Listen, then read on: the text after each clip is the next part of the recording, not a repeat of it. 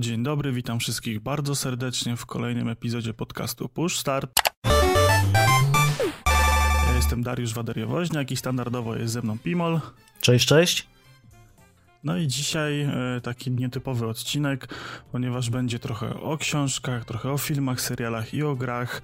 I każdy z nas przyszykował sobie e, takie top 5, może to jest trochę złe słowo, ale właśnie po 5 z każdego z tych e, działów e, twórczości po prostu, no, no, zobaczymy. Takie, to są rzeczy, które gdzieś na nas wywarły jakieś tam wrażenie, gdzieś coś w naszym życiu zmieniły, albo po prostu nam się bardzo wybitnie podobają, więc to będą listy dość mocno e, subiektywne i takie prywatne, także mam nadzieję, że tam nikt się bardzo nie oburzy za pozycje, które się tam pojawiły, no ale może newsy najpierw, co? No to zaczniemy może od y, takiej świeżynki. Y, GTA 5 pojawi się w Epic Store za darmo w dniach od 14 do 21 maja. Będziemy mogli za darmo zakupić, jak to ładnie nazwali na Epic Store, sobie za 0 zł y, wersję GTA 5 i to nie byle jaką wersję, bo będzie to edycja premium czyli w edycja, w której w skład y, będzie wchodzić y, zestaw początkującego kryminalisty. Czyli tak naprawdę zestaw 10 pojazdów, 6, nie, 6 nieruchomości, kilka tam drobiazgów takich upiększających nas, jakieś dodatkowe bronie i dodatkowo jeszcze dostaniemy milion dolarów do wykorzystania w GTA Online gdzie normalnie taki pakiet y, początkującego kryminalisty kosztuje około 120 zł, gdybyśmy chcieli go sobie dokupić tak na zewnątrz. Więc jest to w miarę gratka i myślę, że tutaj ludzie, którzy jeszcze nie spróbowali GTA 5, których myślę jest już mniejszość, będą mieli okazję zrobić to za darmo. No właśnie, ja tutaj mam taki problem troszeczkę z tym, bo znaczy nie, nie widzę sensu i nie, dla mnie to jest trochę taka głupotka, e, bo właściwie wszyscy gracze, którzy e, gdzieś tam już grają w tą grę, no to bez sensu przypisywać sobie do, do Epika, e, tym bardziej, że chyba z tego, co gdzieś czytałem, postęp się nie przeniesie nam, czyli będziemy zaczęli, zaczynali tak jakby od początku, więc ten zestaw początkującego kryminalisty nic nam nie wniesie, a gracze, którzy jeszcze nie zagrali w online, którzy nie mają jeszcze gdzieś na żadnej platformie GTA, myślę, że już jest raczej taka mniejszość, kto chciał zagrać, kogo to jara, kto, kto się chciał w to bawić, czy online, czy singlowo, to już myślę, że dawno e, w to pograł, a za tam 120 zł e, zainstalować sobie na komputerze program szpiegowski, no to nie wiem, czy warto. Dokładnie tak. Natomiast ja uważam, że na pewno się jakiś w cudzysłowie Janusz biznesu znajdzie, który wyczekiwał takiego momentu, żeby sobie zagrać. Chociaż jak spojrzymy, e, GTA 5 bodajże miesiąc temu pojawiło się przecież w Game Passie, więc tam też można było sobie poszaleć. No to jak jesteśmy przy temacie Epica, no to Epic zaktualizował najnowszą wersję Unreal Engine'a dającą wsparcie nowej generacji konsol, czyli PlayStation 5 i Xbox e, Series X. E, no i ten silnik graficzny e, teraz jest w wersji 4,25. No i tak trochę powiem wam szczerze, że zadziwiło mnie, że dopiero teraz, no bo premiera konsol już za rogiem, już tam jakieś gierki się smażą. No i co? Okazałoby się, że żadna z tych gierek na Unreal Engine nie będzie stała? Że dopiero nam przyjdzie poczekać do przyszłego roku, dopiero na jakąś gierkę? No tutaj będzie dość to zagadkowe, bo jeżeli pół roku przed y, premierą konsoli wpuszczałem dopiero Unreal Engine w ruch, no to troszkę to troszkę słabe, żeby w pół roku ogarnąć grę, chyba że będą to jakieś produkcje ala na kolanie, na szybko i myślę, że to się może odbić kiepsko. Ewentualnie zalew remasterów gier zrobionych na Unreal Engine. No, zgadza się. Może, mo, może i tak być. To znaczy, jest... Właściwie tak jak teraz sobie, tak sobie jak o tym myślę, to może faktycznie ma to o tyle sens, że e, może nie było chętnych do tej pory na, na robienie gier na Unreal Engine na nową generację konsol i, i stwierdzili, że nie ma sensu, a teraz e, jeżeli e, tam są te coraz większe informacje a propos wstecznej kompatybilności konsol, że będzie można grać w te gry, odpalać je i tak dalej, to może faktycznie to jest taki dobry ruch, żeby zupgrade'ować silnik i po prostu te wszystkie gierki będzie można poprzenosić. No, poczekamy, zobaczymy. Będziemy najwyżej grać sobie ponownie w nasze ulubione gry na, do, na troszkę odświeżonych edycjach.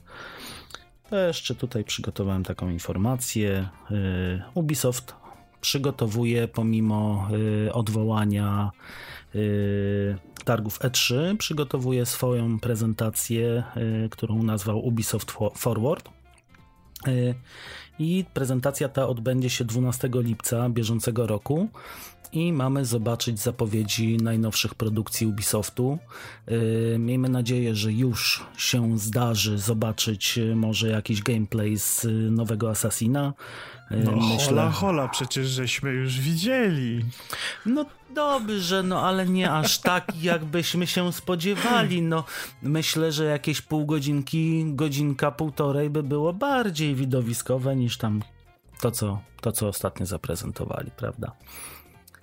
Więc yy, myślę, że również yy, może zobaczymy jakieś nowe szczegóły Watch Dogs yy, wersji Legion yy, czy Rainbow Siege. Yy, Rainbow Six, przepraszam, nie Rainbow Siege, nie wiem o czym mówię, e, więc e, no Tak, tutaj... nie, no bo ten Rainbow Six Siege e, to się, się mieszają, no dokładnie. Nie, nie, no bo Rainbow Siege, ten Quarantine ma być tak mm. jakby kampanią fabularną, o, samodzielną do Rainbow Siege'a, do Rainbow Six Siege'a. O Jezu, no, zgadza, no dlatego, dlatego to się cholernie miesza w głowie. I tak jak mówię, no poczekamy, zobaczymy co Ubisoft jeszcze nam pokaże może jakieś nowe ciekawostki, może y, dowiemy się jakieś kolejne materiały Gods Monsters. Pożyjemy, zobaczymy. No ja niestety nie jestem zbyt ciepło nastawiony do tych online'owych konferencji. Mam wrażenie, że jak na razie żadna firma poza Nintendo w nie nie umie i to jest w ogóle... Ja, dla mnie to jest taka zagadka, że przecież kurczę, przecież to nigdy nie jest live. To oni tego nie robią, to, to jest puszczane w formie live'a. No i o ile Nintendo sobie wszystko wcześniej przygotowywuje, reżyseruje, montuje składa i puszcza to w formie live'a, no to zarówno PlayStation, jakby jak i Xbox Inside ostatnio, to w ogóle to jest jakiś taki zbiór nie wiadomo czego. Siedzą ci ludzie w tych domach przed tymi komputerami, pieprzą jakieś kocopoły, w tle pokazują jakieś w ogóle zwiastuny. Ja, dla mnie to jest żadna wartość dodana. W ogóle mogłoby się nie odbyć i miałbym taką samą wiedzę na temat tych gier, e, jak, jak po tym, jak się odbyło. No, do, można równie dobrze puścić ten trailer do, do sieci i w ogóle tego nie omawiać gracze sobie sami wywnioskują mi to lepiej. I, I, jakieś hypowanie tych wydarzeń, czy ostatnio to, co się w ogóle stanęło z tym proskaterem, remasterem, czy tam remake'iem, to też jest w ogóle jakiś dramat. Nahypowali w ogóle, że będzie ta konferencja, e, super wydarzenie i, i, za, zapowiedzą coś nowego, wspaniałego, gracze na to czekali i, macie remaster gry o. Ale nie oszukujmy się, dobry remaster. Przynajmniej, nie, no, na, dobry. przynajmniej, przynajmniej na, na papierze, no. Zobaczymy, co no, z tego do, wyjdzie. Dobry, ale... niedobry, wiesz, no to, to jest takie hypowanie i pompowanie jakiejś takiej bańki, tak właściwie w sumie o nic i, i czekam, że może ktoś to w końcu zrobi dobrze poza Nintendo, no bo Nintendo no to, to zawsze to robiło dobrze, oni zawsze sobie darowali targi, mieli tam ten, ten swój domek na drzewie i puszczali zawsze te swoje e, directy i to zawsze było spoko i, i w sumie no tego bym oczekiwał, no takiego, a nie jakieś w ogóle, wiesz, na green screenie nałożone sztuczne łebki z przodu przed kamerą, które robią, udają za tłum i, i pana, który udaje, że wie o czym mówi, no, czytając z promptera. No. O, o ile są na zielonym tle, o ile nie postawi ktoś trzech kartonów jak PlayStation, nie? No one się poruszały, także wnioskuję, że to była jakaś taka budżetowa animacja, nie? Tam wiesz, ten CEO, CEO siedział na, na home office, dzieciak mu przeszkadza, to kazał mu tam zrobić animację w After Effectie no i wstawili potem, nie? No. Oczywiście się śmieję, ale no, wygląda to tragicznie w takich przypadkach. Dokładnie. To już lepiej, myślę, te, te obrazki z domów tak, tak, dokładnie tak. Yy, Okej, okay, no to co? Ja mam jeszcze ostatniego newsa, czyli w, współpracę Samsunga z AMD, yy, która ma zaowocować układem scalonym mobilnym yy, z GPU od AMD. Yy, no i dzięki czemu yy, konsumenci mobilni będą mogli korzystać z architektury RDNA.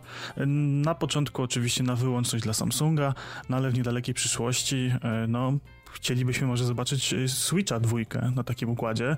To byłoby coś niesamowitego. Myślę, że taki układ, jak będzie zrobiony dobrze, to, no, a będzie pewnie zrobiony dobrze, e, to będzie miał niesamowite możliwości. No, zwłaszcza, że można się tego spodziewać po AMD i po y, samym Samsungu, no to myślę, możemy się spodziewać samych najlepszych rzeczy. Tylko kwestia jeszcze, ile to później będzie kosztować. Bo jakby nie no, było. No, to myślę, że wiesz tutaj cena, jeżeli będzie to dobre, to, to będzie drugorzędna, tak? Jeżeli no, będziemy mieli grafikę tak z najwyższej, grafikę i wydajność z najwyższego półki, no to będzie można przymknąć troszeczkę oko na cenę, tak? Pewnie tak. Do, dobra, no to chyba z newsów tyle. Dobrze kojarzę? Dobrze kojarzę. Mhm. E, oczywiście wszystkie newsy e, znajdziecie na giereczkowo.pl. Zgadza Prawda? się. Zapraszamy serdecznie. Wszystkie newsy tam się pojawiają, stamtąd czerpiemy wiedzę. Mamy wspaniałych redaktorów, wspaniałe materiały i zapraszamy serdecznie. To może no to przejdźmy co, przejdziemy. Przejdziemy sobie tak do tematu, czyli do tych naszych y, ukochanych, ulubionych seriali, filmów, książek, gierek. No to od czego zaczynamy? Myślę, że może od filmów. No to, no to jedziesz z tematem. To jedziemy. No to tak, yy, od razu zaznaczę, że lista nie jest w żaden sposób tutaj hierarchiczna, nie ma tutaj, w moim przypadku przynajmniej, rzeczy ważniejszych, lepszych, z tego względu, że w ogóle przygotowując te listy, miałem bardzo duży dylemat, co tak naprawdę zamieścić w tak zwanym top 5. Yy, I tutaj jednym z takich moich ulubionych filmów i tak naprawdę film, jest film y, to animowany, ze stajni Pixara. E, jest to Wally.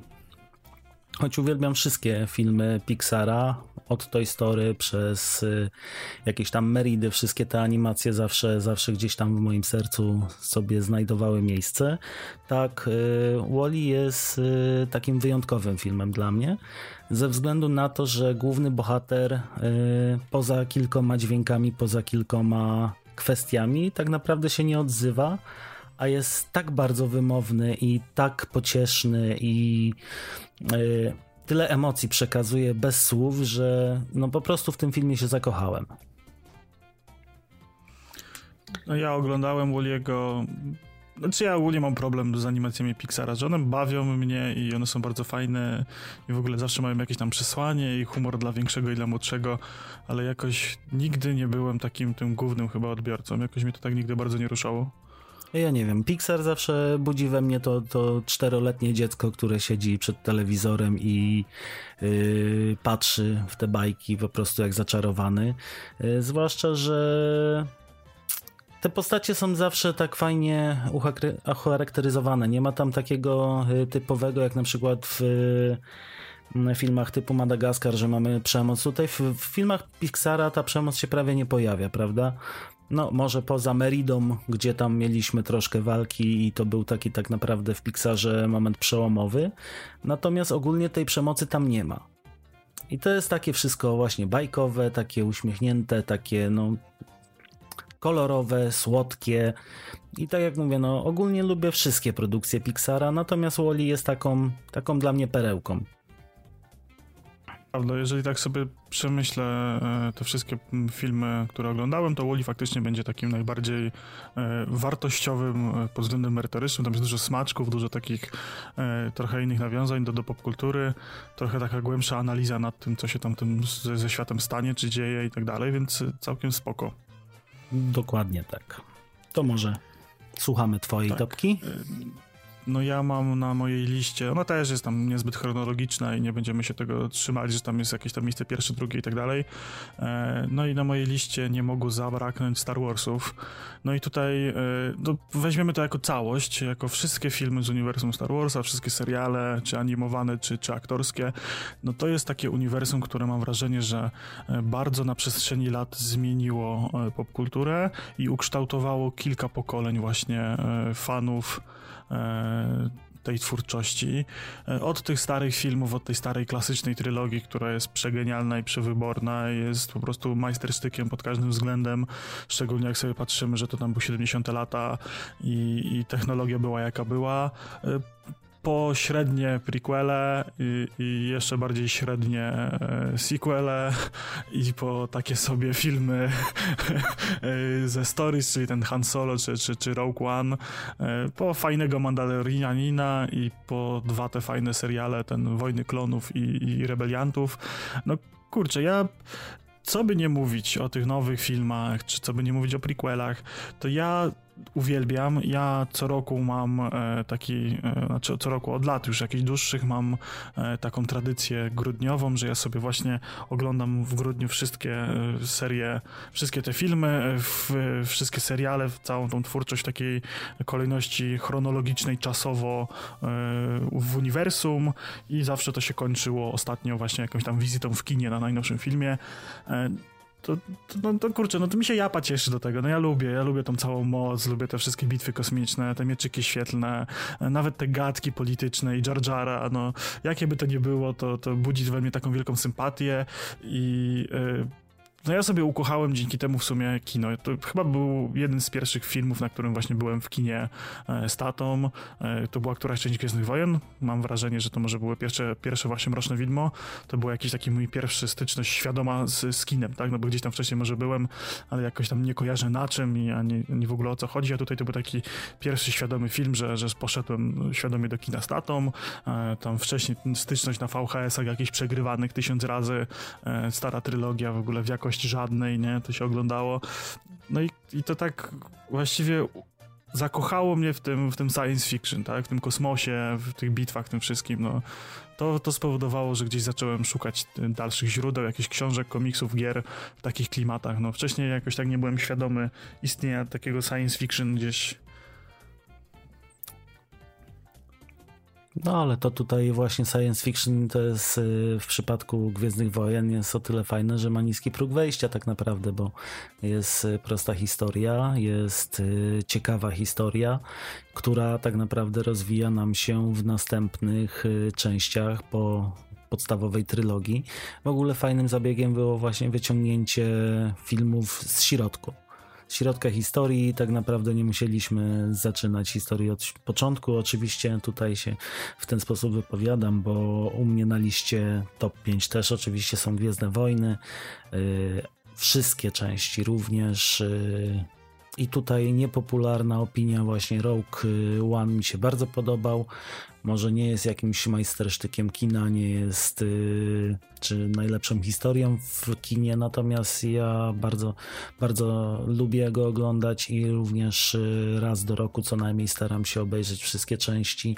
Może nie w wersji chronologicznej wydarzeń z uniwersum, tylko właśnie w wersji chronologicznej wydawania filmów. I również tak jak i ty zgodzę się z opinią, że wszystkie te filmy są dobre, może nie najlepsze poza pierwszą trylogią, która jest genialna jak na tamte czasy, gdzie mamy po prostu efekt taki, który uzyskujemy dzisiaj na y, green screenach, na ciężkim y, sprzęcie komputerowym. Oni robili to wszystko ręcznie, robili to przez długi czas i efekt był naprawdę niesamowity i za to cenię to kino, a tak jak mówię, pociągnięcie historii do końca też mi się bardzo podobało, chociaż y, trzy ostatnie filmy są bardzo sztampowe i takie po prostu dasz y, bardzo mocno no, czuć, do przewidzenia czuć było. No. no dokładnie, no to było to po prostu. Wszystko do, do przewidzenia i po prostu tak, no ta końcówka serii, no troszkę i tak brakło tej historii, jakby ten Palpatine troszeczkę lepiej wypadł, no coś by innego tam zrobili, no okej. Okay. Natomiast ta, no troszeczkę niedosyt, natomiast mówię, lubię to oglądać, e, z chęcią wracałem do kina, e, włącznie z tym, że jak e, przed premierą nowych filmów czasem pojawiały nam się MNF-y w kinie, to również z żoną chodziliśmy sobie po prostu obejrzeć ponownie te starsze części. Wiesz, ja ogólnie e, mam taki problem z tymi wszystkimi ludźmi, którzy marudzą, że kiedyś to były czasy, a teraz to czasów kurwa nie ma.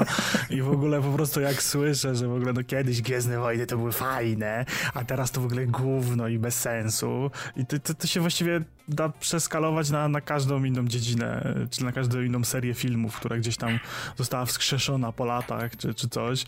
No, no kurczę, no trzeba iść dalej, ale świadomość, że trzeba... oni to robią dla pieniędzy, że to jest biznes, tak? Zgadza się. Ale ja to też się ogólnie trzeba cieszę. zrozumieć to, w jakich czasach y, Gwiezdne Wojny pierwsza trylogia była nagrywana, gdzie czegoś takiego jak filmy science fiction nie było. Jeżeli już, to mieliśmy jakąś Odyseję 2000, typu filmy, nie wiem, takie melodramatyczne, że mamy planetę małp, że wpadają, mordują i koniec. A tutaj była taka historia, która była cała osadzona na innym uniwersum, w innym świecie. Nie było tej ziemi, która we wszystkich nawet wcześniejszych filmach science fiction się gdzieś tam prze, przewijała. Tutaj mieliśmy zupełnie inną historię, która była świeża. W dzisiejszych czasach, gdybyśmy wzięli pod uwagę takie rozwiązania, no to wszędzie mamy od seriali, przez filmy, przez książki, gry. Wszędzie to science fiction nam się pojawia już we wszelkiej maści i nie ma żadnej oryginalności w tym. Więc ja tu uważam, że po prostu to powoduje, że my inaczej odbieramy te Gwiezdne Wojny. Te nowe Ale wiesz. Co? Wiesz co, nawet moim zdaniem nie chodzi o to, bo ja osobiście uważam, że y, ludzie się powinni cieszyć. No, jeżeli jestem fanem Gwiezdnych Wojen, czy Piratów z Karaibów, czy jakiejkolwiek innej marki, która tam dostaje drugie życie, kolejne filmy i tak dalej, czy kolejne gry, no to kurczę, no spoko, uniwersum się buduje, powstają kolejne rzeczy, no gorsze, nie gorsze, no jest biznes, tak, robią to dla pieniędzy, e, robią to pod każdego odbiorcę, nie tylko pod fana, tylko pod właśnie całe rodziny z dziećmi, żeby przychodziły dzieci, rodzice, dziadkowie, wszyscy, żeby wszyscy byli tym zainteresowani, robi się merch, na tym się zarabia pieniądze.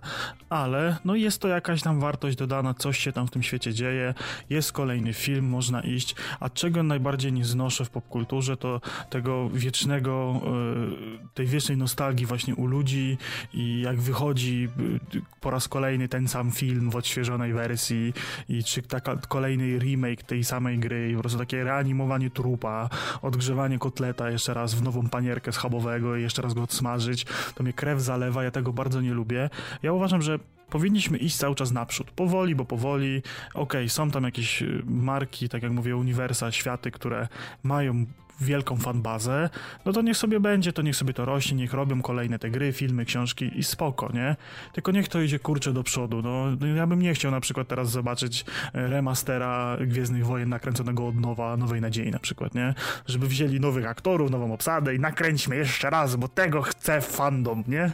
No zgadza się, no to tak jak mieliśmy Pamięć Absolutną, gdzie mieliśmy świetną rolę Schwarzeneggera, świetnie zagrany film jak na tamte czasy, a później bierzemy i odświeżamy odświeżamy wszystko jeszcze raz, bierzemy tego samego kotleta, prze, przeklepiemy go drugi raz, włożymy w nową panierkę i wydamy jeszcze raz, co no, moim dokładnie, zdaniem dokładnie, no. nie było najlepszym wyjściem, a dla porównania tutaj yy, weźmy Łowcę Androidów gdzie mamy tak, tak naprawdę. Się to pociągnąć. Pociągnęliśmy historię dalej i było to zrobione genialnie. Ja w kinie po prostu aż dostawałem dreszczy, dostawałem ciarek na plecach, jak oglądałem nowy, y, nowy Blade Runner po prostu i przyznam się szczerze, byłem trzykrotnie w kinie na tym. Mhm. No i właśnie, tak jak mówię, to, to jest to, czego potrzebujemy. Potrzebujemy iść do przodu, a nie oglądać się, że kiedyś to było. No. Ale to właśnie a propos iścia do przodu, to może dla następny film. bo nie zdążymy. Yy, dobrze, ja teraz się cofnę w czasie i to dosłownie, bo powrót do przyszłości jest takim po prostu perełką na moim, na moim piedestale tutaj, jeżeli chodzi o, fir- o filmy. Yy, wszystkie trzy części uwielbiam, całą historię uwielbiam. Yy, Martiego oglądam przynajmniej dwa razy do roku, przynajmniej wszystkie trzy części. Yy, mogę ten film tak naprawdę oglądać w kółko i w kółko. Nie wiem dlaczego, powiem szczerze, bo nie jest to jakiś film, który nie wiem, zamieszał może na rynku. Y, nie jest to film jakiś bardzo wciągający z, z zamieszaniem fabule, natomiast y, po prostu wprowadzał mnie bardzo dużą nutę nostalgii, bo jest to film, który bardzo dawno zacząłem oglądać, bo byłem może w wieku 4 czy 5 lat, jak pierwszy raz widziałem pierwszą część Powrotu do przyszłości i od tamtego czasu po prostu uwielbiam ten film, mogę do niego wracać wielokrotnie i podejrzewam, że raczej nigdy mi się nie znudzi. I troszeczkę mi szkoda tego, że nie jest za często wykorzystywany może w e, kulturze w tym momencie. Bo... Czy tam poszło parę złych decyzji, bo tam jakieś były gry i, i tak trochę zajechały chyba temat. No ale te gry po prostu były kiepskie, dlatego może zajechały. No właśnie, Wiem, no. że była nawet jakaś tam bajka, animacja, natomiast ona też nie była jakaś górnolotna i myślę, że to po prostu umarło swoim życiem y, naturalnym, natomiast no tak jak mówię, jest to dla mnie perełka kinematografii. Y, wiem, podkreślę tutaj to, że jestem dość stary przez to, ale po prostu uwielbiam ten film i myślę, że nigdy mi się nie zwróci.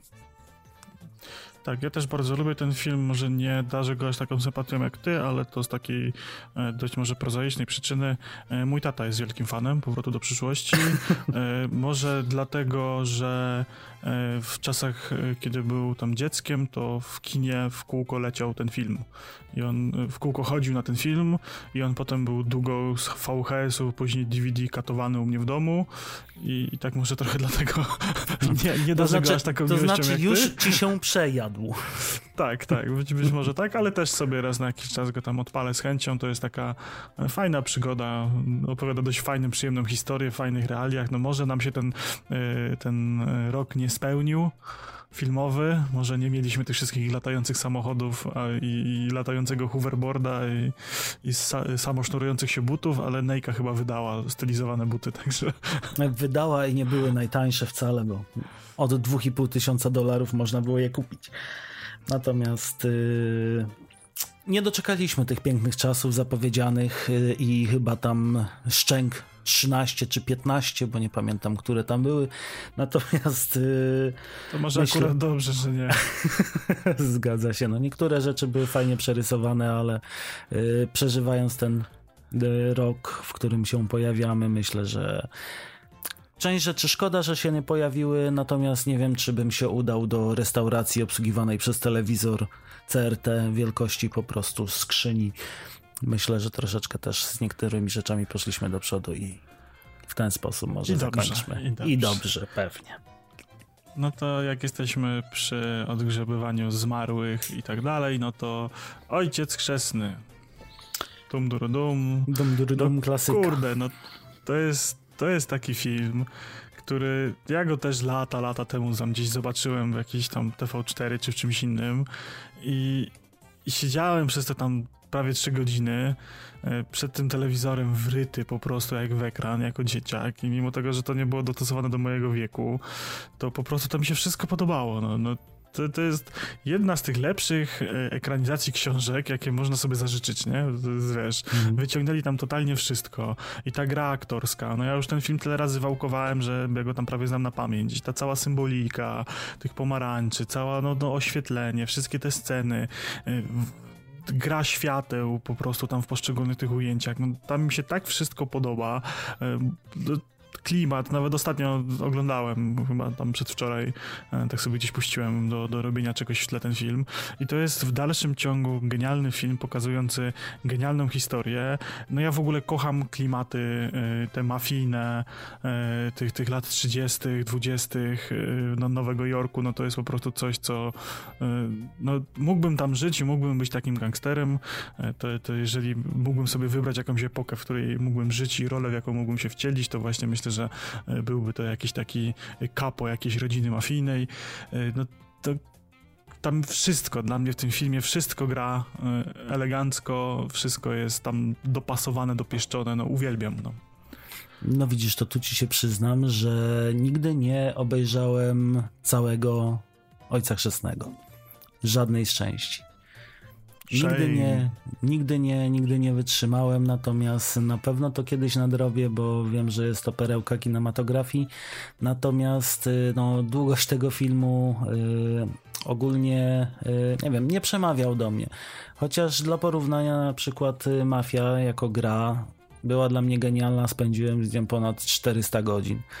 A tutaj film jednak nie mogę się w niego wciągnąć w żaden sposób. Więc tutaj możecie, możecie na mnie powiesić psy, że się nie znam, że nie, nie, nie jestem fanem kina, natomiast no naprawdę nigdy nie zmęczyłem Ojca Chrzestnego. Znam oczywiście kwestie yy, sławne, znam postacie, natomiast no sama historia jeszcze do mnie nie dotarła. Więc może, nie, no te filmy są, są długie i trochę nużące, e, jak się nie, nie, nie, nie jest takim, nie kocha się tego, jak się tego nie kocha, to on jest nudny, tak? Nim się trzeba po prostu zakochać od pierwszej sceny. E, on bywa długi, nużący, tam w ogóle druga część jeszcze tam jest trochę gorsza może, jeżeli chodzi o to, no ale to, to ja no tak jak mówię, no ja kocham i książkę, i, i gry Ojca Chrzestnego nawet też lubię, mimo że są krapami.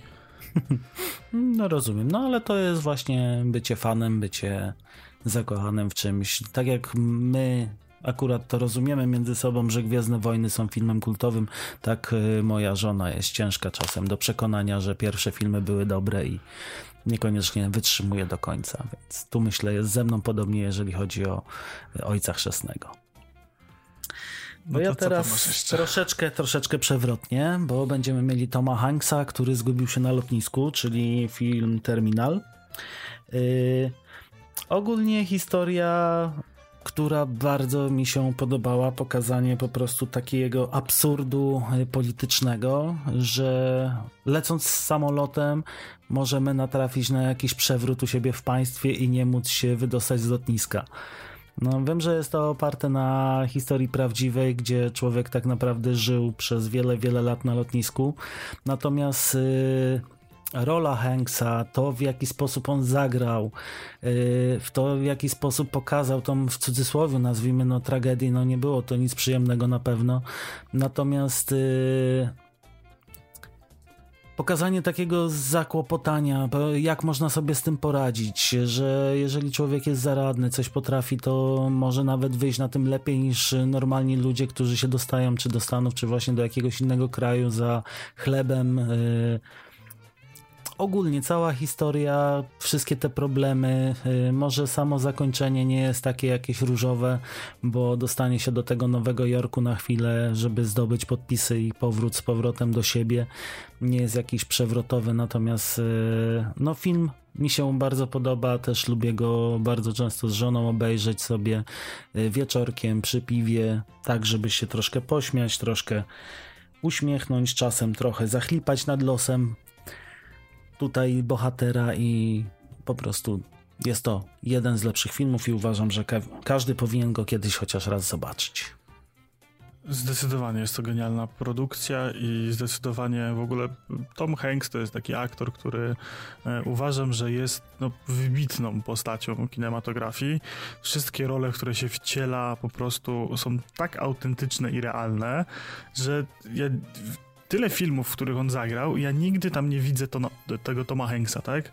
Tak jak gdzieś tam, o, to bo ten grał w tym, ten to jest ten, ten grał w tamtym, a ten to tamto, tak? Czy ten jest z mężem tamtej, nie?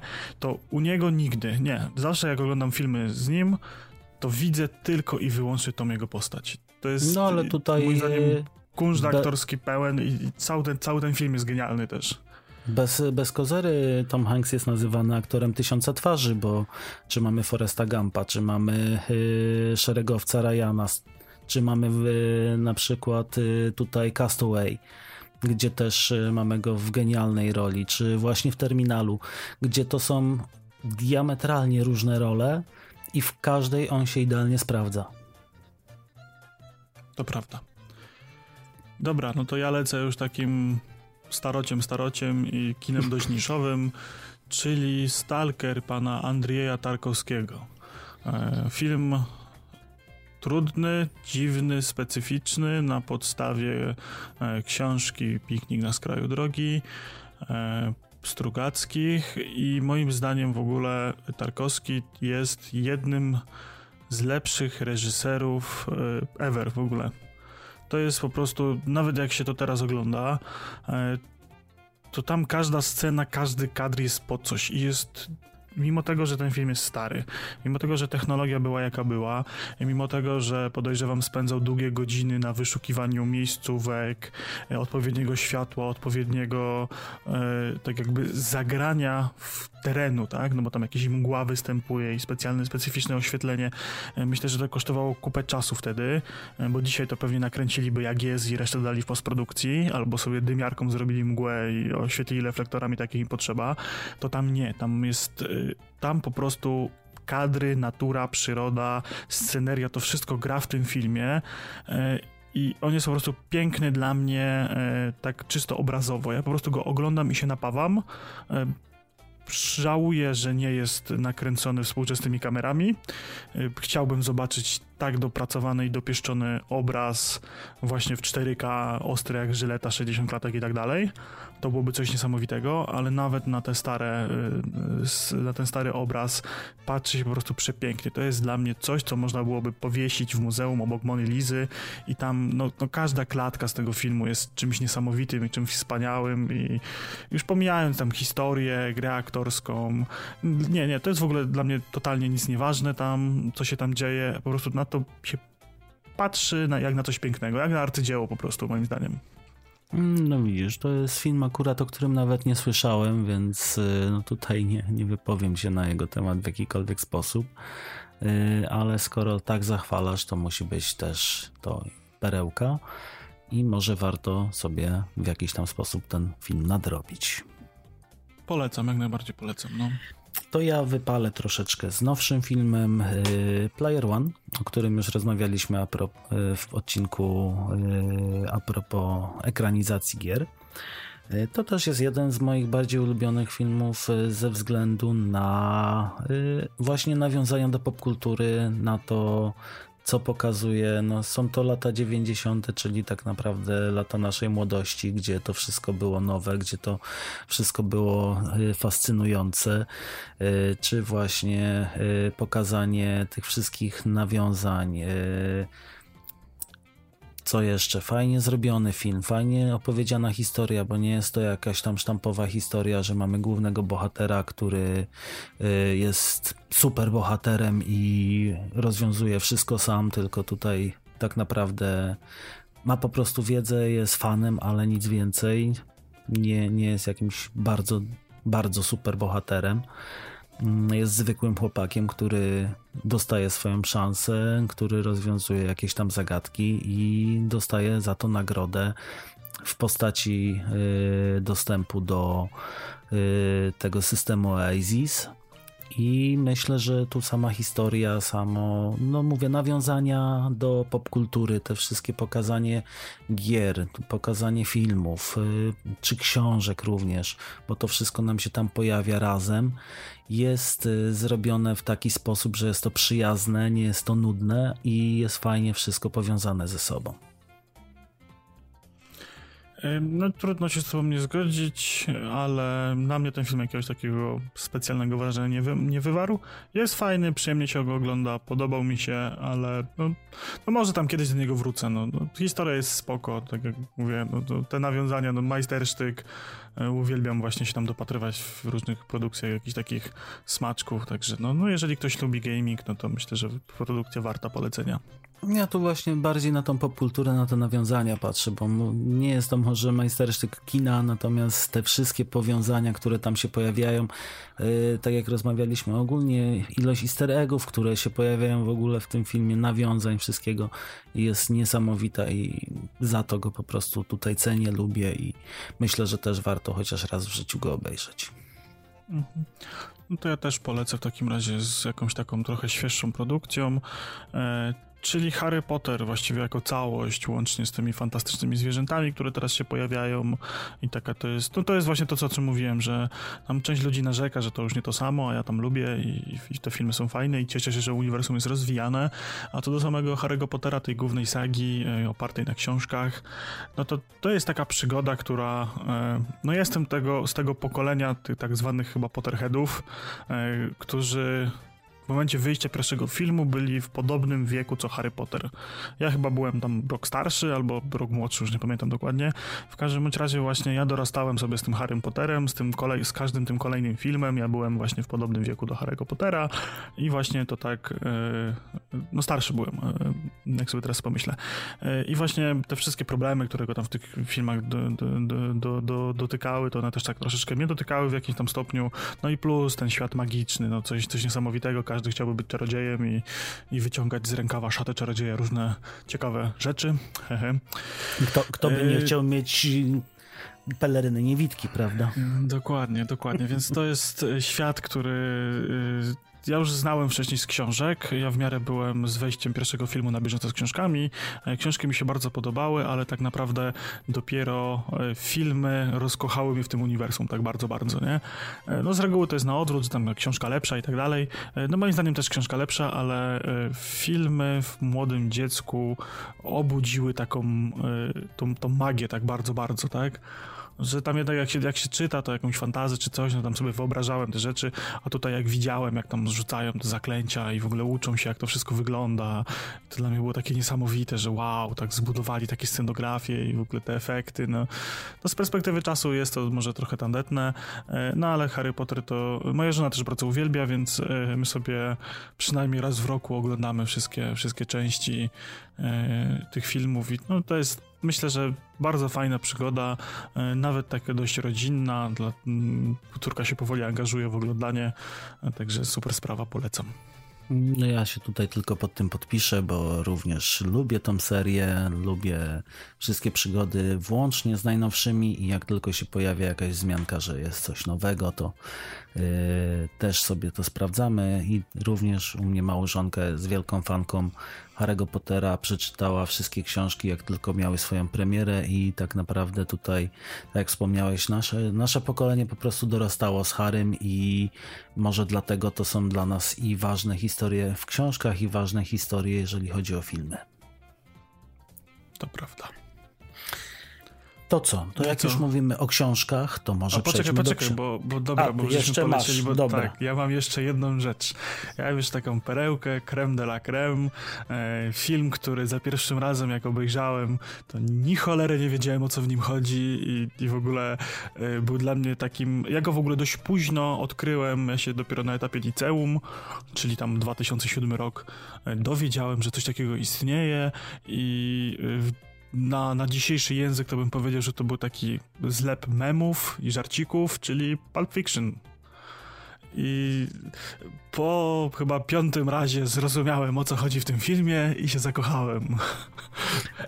No widzisz, ja, ja lubię Pulp Fiction, natomiast y, ogólnie Tarantino do mnie nigdy nie przemawiał i de facto do dziś większości jego filmów nie rozumiem.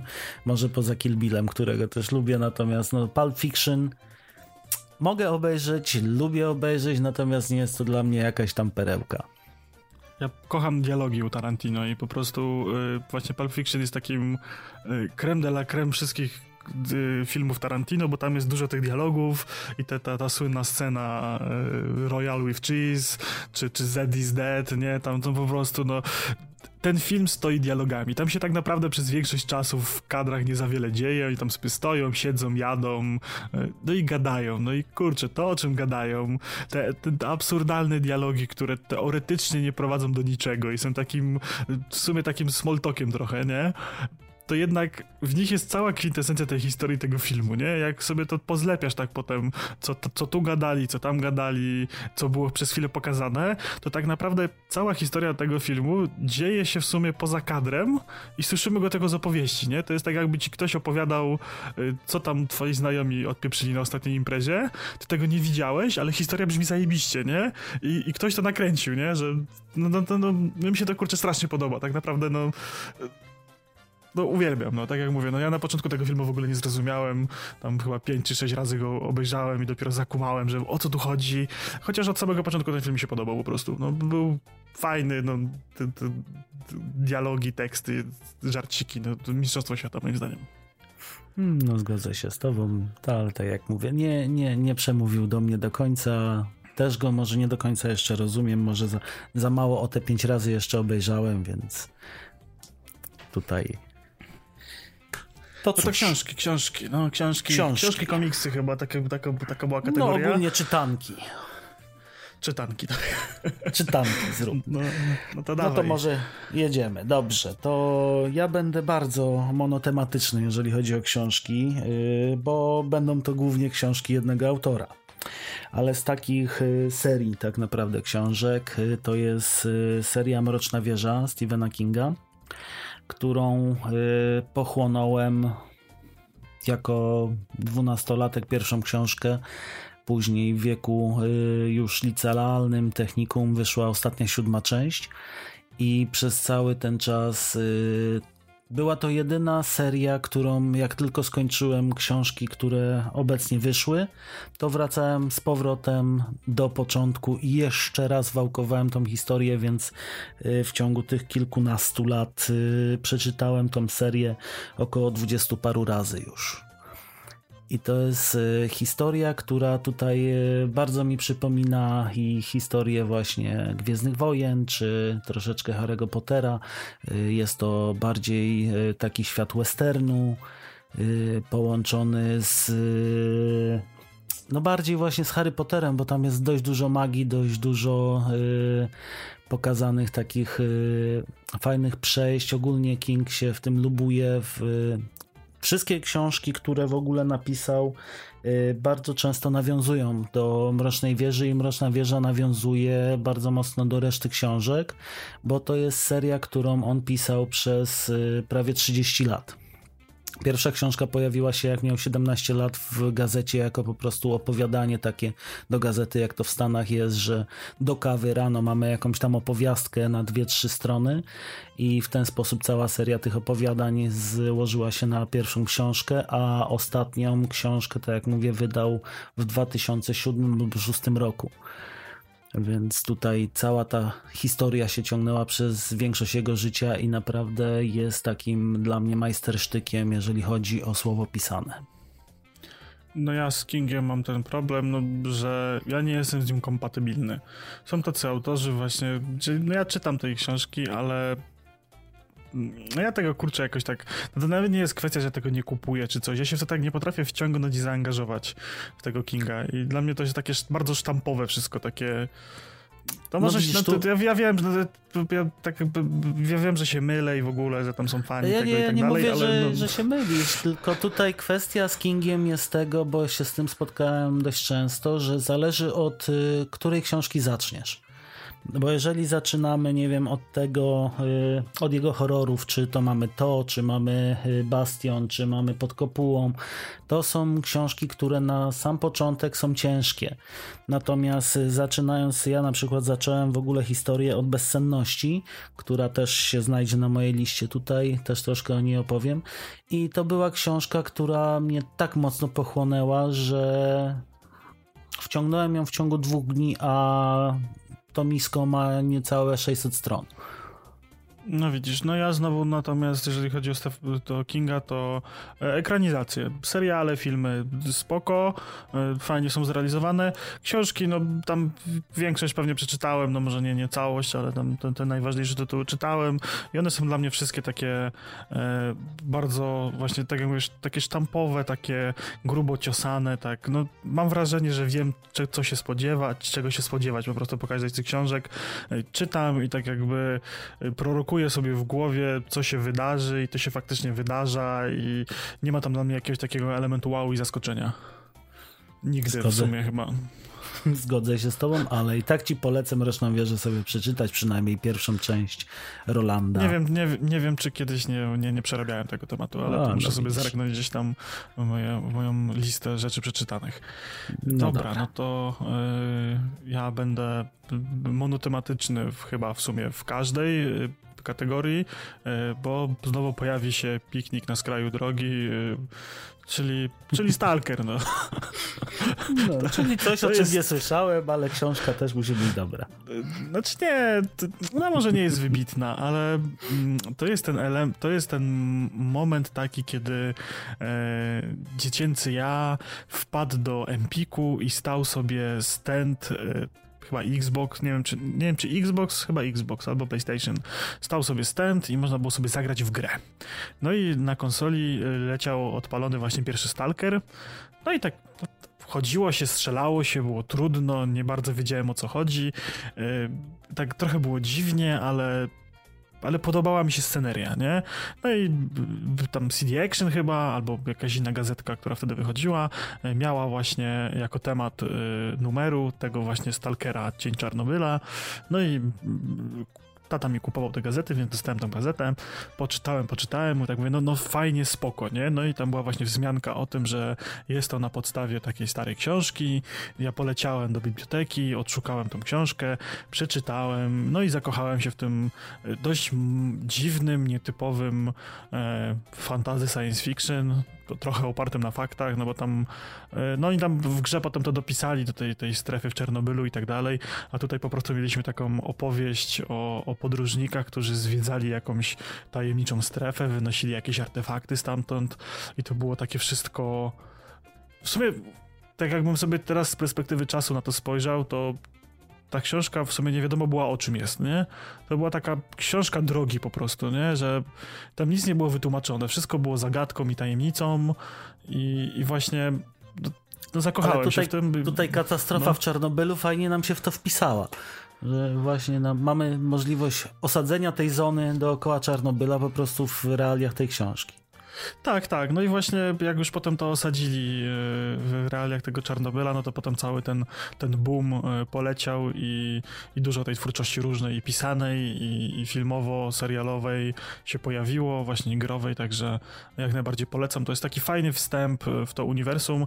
Jeżeli kogoś zawsze interesował Stalker, widzieliście te nowe książki stalkerowe gdzieś tam w Empiku, nie wiecie czy to fajne, czy brać się za to, gdzieś tam jakieś stare gry zrobili kiedyś, a podobno podobał wam się na przykład serial Czarnobyl, no to sobie zerknijcie na ten piknik na skraju drogi i zerknijcie sobie na tego Starkera Tarkowskiego. E, to są e, dzieła, które właśnie są takie e, mistyczno-tajemnicze, no możemy tak powiedzieć. No, a, a fajnie, fajnie się wpisują w taki klimat. No dobrze. To ja sobie przejdę do y, twórczości troszkę polskiej. Y, seria książek, którą dopiero kończę i to powiem z zawstydzeniem, że nie, nie, nie byłem w stanie ich przeczytać, bo zawsze mi brakowało na to czasu. Natomiast y, jakiś czas temu dopadłem audiobooki i co tylko wsiadam do samochodu, to sobie słucham. Jest to Pan Lodowego Ogrodu y, Jarosława Grzędowicza.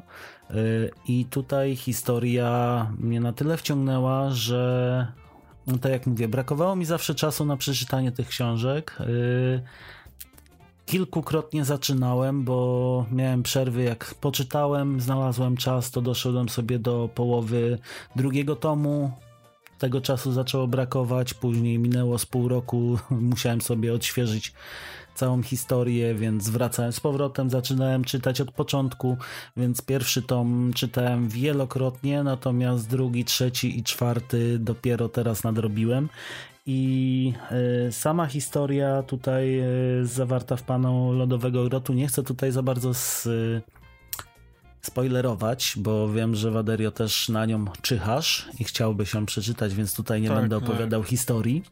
Natomiast sama historia wędrowca jego przygody, opis w jaki sposób Grzędowicz to robi, świat, który w ogóle wykreował, są dla mnie po prostu cudowne. I cieszę się, że właśnie dopadłem te audiobooki, że znalazłem możliwość e, przynajmniej w ten sposób nadrobienia tego, tej e, literatury. I jeżeli ktokolwiek e, nazywa się fanem Wiedźmina, tego typu historii, to powinien sobie nadrobić Pana Lodowego Grodu, bo na pewno będzie mu się ta historia bardzo podobać. No ja właśnie jestem też przed tym, kilka razy się to zabierałem, ale to są strasznie opasłe to mistrza, które się bardzo powoli czyta, bynajmniej na początku. Przy, przepraszam, przynajmniej, Badel, wybacz. To jest taka, to jest taka moja mała ułomność życiowa, że używam bynajmniej zamiast przynajmniej, ale mam karteczkę nad monitorem, żeby przepraszać Badele za każdym razem, gdy to zrobię. Także przepraszam. No i, i kurczę, ja się tego cały czas odbijam. Ja jeżeli chodzi o audiobooki, to jest to super sprawa, jeżeli ktoś dużo podróżuje i jeździ autem i sam z tej formy często korzystałem, e, ale tylko i wyłącznie w produkcjach, które już wcześniej przeczytałem. To jest tak fajnie wyłapać sobie jakieś kilka innych smaczków, które gdzieś tam nam umknęły w trakcie czytania, e, ale ten pierwszy raz to ja lubię w takiej wersji czytanej właśnie sobie to wszystko wyobrazić, e, żeby sobie nie utorsamiać potem jakichś bohaterów z głosem lektora, czy nie daj Boże, jeżeli jest to z podziałem na rolę nagrane to z aktorem, no i, no i kurczę, no mam to. Nawet ostatnio po naszej ostatniej rozmowie wrzuciłem sobie to z powrotem na czytnik i tak, tak podchodzę jak pies dojeżdża obok tego. No cały czas tak się kręcę, kręcę i może się w końcu zakręcę i przeczytam. Powiem ci tak y, z własnego doświadczenia, gdzie wchodziłem właśnie kilkukrotnie w ten temat. Y, po połowie drugiego tomu już mocno wciąga i y, myślę, że wtedy można bez problemu w ciągu kilku dni prze, przerobić to i naprawdę, jeżeli znajdziemy tylko chwilę czasu, oczywiście ja w tym momencie mam dużo podróży służbowych, gdzie jeżdżę po, po okolicach Łodzi, co prawda, natomiast sobie nadrabiam te wszystkie pozycje tutaj książkowe w ten sposób. Okej, okay, no to jak jesteśmy przy temacie książek polskich, pan Andrzej Sapkowski, Saga o Wiedźminie. No i myślę, że tyle w, tyle w temacie. Nic więcej nie musimy mówić na ten temat. No, no ja, jestem, ja jestem psychofanem. Ja też Wiedźmina za dzieciaka odkryłem. Kolega taki dużo więcej czytający niż ja e, pożyczył mi właśnie kiedyś tam pierwszy zbiór opowiadań. Ja się zakochałem w tym, w tym świecie, w tym... Mimo tego, że te opowiadania to jest taka zżyna z, z innych innych opowiadań, z innych baśni, opisana w, po prostu w klimatach wiedźmińskich, to mi się to spodobało spodobała, spodobała mi się idea tego całego Wiedźmina. E, no i mimo tego, że ludzie mówią, że, że ta sama, sama saga jest gówniana, opowiadania lepsze, to ja jednak e, lubię tą sagę. E, szczególnie lubię od momentu, kiedy mm, formuje się drużyna i sobie Geralt z Jaskrem, Regisem, Milwą, Kahirem podróżuje i, i strasznie lubię, lubię te klimaty. No i w ogóle zresztą no, ca całość jest moim zdaniem przegenialna i, i mam świadomość, że pan Andrzej Sapkowski tego nie napisał napisał, e, tylko zlecił to komuś i się tylko pod tym podpisał, bo e, znając jego umiejętności pisarskie, to nie był w stanie tego zrobić. Oczywiście śmieje, śmiejemy się, tak? żarciki i różne tego typu memy. E, no, żmiję też przeczytałem, dlatego uważam, że pan Andrzej nie umie pisać, bo napisał żmiję. Dlatego uważam, że Wiedźmina zlecił. No, ale nie, no ogólnie rzecz biorąc, no już tak abstrahując sobie od śmieszków, to, to no kurczę, no pomijając gry, serial, czy polski, czy Netflixowy, Netflixowy y, jeżeli ktoś lubi po prostu fantazy, to powinien to przeczytać, bo to jest e, kawał dobrego fantazy. E, ono mi się tak trochę e, Grotron przychodzi na myśl z racji tego, że tam nie mamy nigdy tego podziału na, że coś jest dobre, coś jest złe. No to wszystko jest takie szarawe, nie? Tam zawsze te wszystkie wybory, decyzje to jest coś kosztem czegoś, to jest to słynne mniejsze zło, że zawsze za każdą decyzją kryje się jakaś konsekwencja i nigdy to nie jest tak, że walczymy z pieśnią na, na ustach w imię dobra i robimy tylko dobro, nie gdzieś tam zawsze e, kątem e, robimy coś źle, więc... Ale tutaj to... moim zdaniem właśnie e, to jest to, co uwierzytelnia tą książkę bardzo, bo w prawdziwym życiu jest bardzo podobnie. No nie można być tylko dobrym albo tylko złym, trzeba być zawsze szarym. Gdzieś no właśnie, tam wybierać to mniejsze zło. No ja, ja tego Wiedźmina przekatowałem już tyle razy, niezliczoną liczbę, że e, żonie do tej pory po nocach się śni pan e, Roch Siemianowski czytający e, Wiedźmina, bo audiobooka też męczę regularnie. Jak, jak mi się nudzi i nie mam podcastu, nie mam co do obejrzenia na YouTubie, a potrzebuję tam coś zrobić takiego manualnego, to sobie puszczam zawsze Wiedźmina i tam czy dubę przy drukarce, czy, czy coś tam innego robię, jakąś e, takie rzeczy, gdzie, gdzie coś mi może towarzyszyć. Ja nie mam, tak jak mówię, już co, przejrzałem cały internet, wszystko przesłuchałem, to leci pan e, właśnie Andrzej Sapkowski, taśma pierwsza, ścieżka pierwsza, mam takiego audiobooka jeszcze z kaseciaków zgrywanego, e, stary, o. straszny, ale... ale to jest taki vintage wtedy i tak, tak się tak, czuje tak. Ten, ten klimat. Tak. Nie, no jakoś jest tam poprawione, to jest zremasterowane, także, no ale polecam ogólnie, no jeżeli ktoś nie czytał, to polecam. Zgadza się też. Będziemy, będziemy na pewno wracać, a to ja będę w tym momencie z powrotem monotematyczny. Yy, mamy yy, komórkę Stephena Kinga.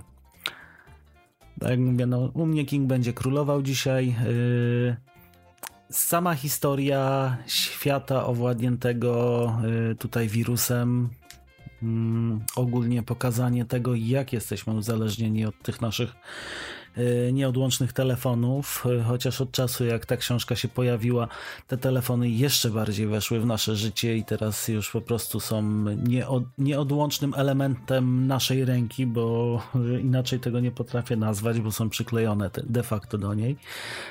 I pokazanie co może się stać, y, gdybyśmy właśnie to uzależnienie w jakiś y, niekontrolowany sposób wykorzystali? Gdyby coś się takiego niekontrolowanego z tym wydarzyło, co może nas czekać, y, jakie zagrożenia ze sobą to niesie. Takie fajne uzwierzęcenie człowieka. O, w ten sposób ta nazwę, bo to fajnie opisuje tą historię, która się tam dzieje i. Yy Dobrze się to czyta, jest to w miarę lekka książka, którą się bardzo szybko czyta. Historia też nie jest jakaś bardzo mocno zawikłana, natomiast to w jaki sposób pokazuje y, zagrożenia od uzależnień, mm, właśnie czy elektroniką, czy innymi rzeczami y, i co to za sobą niesie, bardzo mi się podobała i mm, taki przekaz, który po prostu ze sobą ta książka niesie. No ja się już wypowiedziałem czytałeś? Na, na, na, temat autora. No. Czytałem, mam wrażenie, że czytałem. E, no tak jak mówię, w mojej głowie jest wiele książek. Ja nie wszystko pamiętam i kojarzę, szczególnie jeżeli chodzi o pana Kinga. E, gdzieś coś mi majaczy, że, że miałem z tym styczność, no ale się nic no, nawet, na ten nawet, nawet film się pojawił, więc y, też można sobie nadrobić. Nigdy nie obejrzałem, ale słyszałem, A to filmu też jest. nie oglądałem. To filmu na pewno nie oglądałem.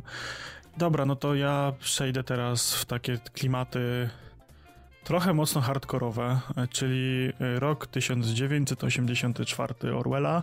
Ja z książką pierwszy raz miałem styczność w ogólniaku, gdzieś żeśmy tam chyba fragmenty omawiali, a może nawet nasza polonistka nam kazała przeczytać całość, mam takie wrażenie, bo, bo czytałem wtedy całość, albo może mnie na tyle zaciekawiło, że przeczytałem całość.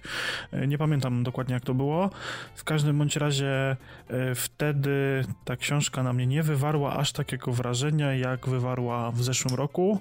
W zeszłym roku postanowiłem przeczytać, przeczytać ją jeszcze raz za namową właśnie znajomego, e, żeby sobie ją odświeżyć i, i kurczę, byłem trochę przerażony. Byłem trochę przerażony sytuacją polityczną na świecie, e, bo tak trochę to powoli zmierza w tym kierunku, w którym opisał nam Orwell. I książka jest dość mocno przygnębiająca, jest dość trudna, dość e, specyficzna jednocześnie, e, porusza takie trochę brutalne tematy klimaty, takiego państwa władzy, takiego aparatu władzy totalnej i, i kontroli stuprocentowej państwa nad obywatelem. E, no i tak trochę się boję, że niedługo może nas to czekać. Tak powoli, powoli nam zagarniają prywatność. No może nie aż do tego stopnia, że tam będziemy mieli e, aż, aż takie e, aparaty władzy, chociaż Chociaż myślę, że za 2 miliardy to dałoby się zrobić taki telewizor, który by odbierał to, co się dzieje w naszych domach cały czas, nie? O, myślę, że taniej by można to było zrobić. Dlaczego, dlaczego, dla, dlaczego ludzie zakrywają w starych telewizorach z kamerką, które miały 3D, kamerki po prostu są pozaklejane, czy mamy wielki boom na y, zasłonki do kamer w laptopie? No, myślę, że nie byłoby to takie trudne i nie trzeba byłoby mieć 2 miliardów złotych na to, żeby... No ale wiesz, ale się... to tak jest troszeczkę taka aluzja do, do sytuacji, która się dzieje w naszym kraju i wiesz, i pewnej dotacji na na, na, na pewną instytucję. Ja sobie zdaję z tego bardzo dobrze sprawę, natomiast no mówię, to nie musiałoby tyle kosztować. Myślę, że większość, większość tych pieniędzy by i tak przepuścili później na jakieś inne pierdoły. Natomiast no samej książki nie czytałem, więc tutaj nie potrafię się na jej temat też wypowiedzieć w żaden sposób, ale no tutaj myślę, że dałoby się taniej nas inwigilować. No, no pewnie tak. No ale w każdym razie książka wybitna i jeżeli ktoś lubi takie e, troszeczkę surrealistyczne klimaty e, retro, futuro science fiction, to, to polecam, bo, no bo to jest taka, no, no jak on pisał, no to taką pisał wizję przyszłości jakąś tam, tak? To miało być takie science fiction, właśnie jak to się e, tam e, rozwinie w przyszłości, właśnie e, państwo i władza państwa i tak dalej. E, no, się z prawdą, jak większość pisarzy science fiction, e, ale wykreował dość e, interesującą wizję, także polecam ogólnie poczytać.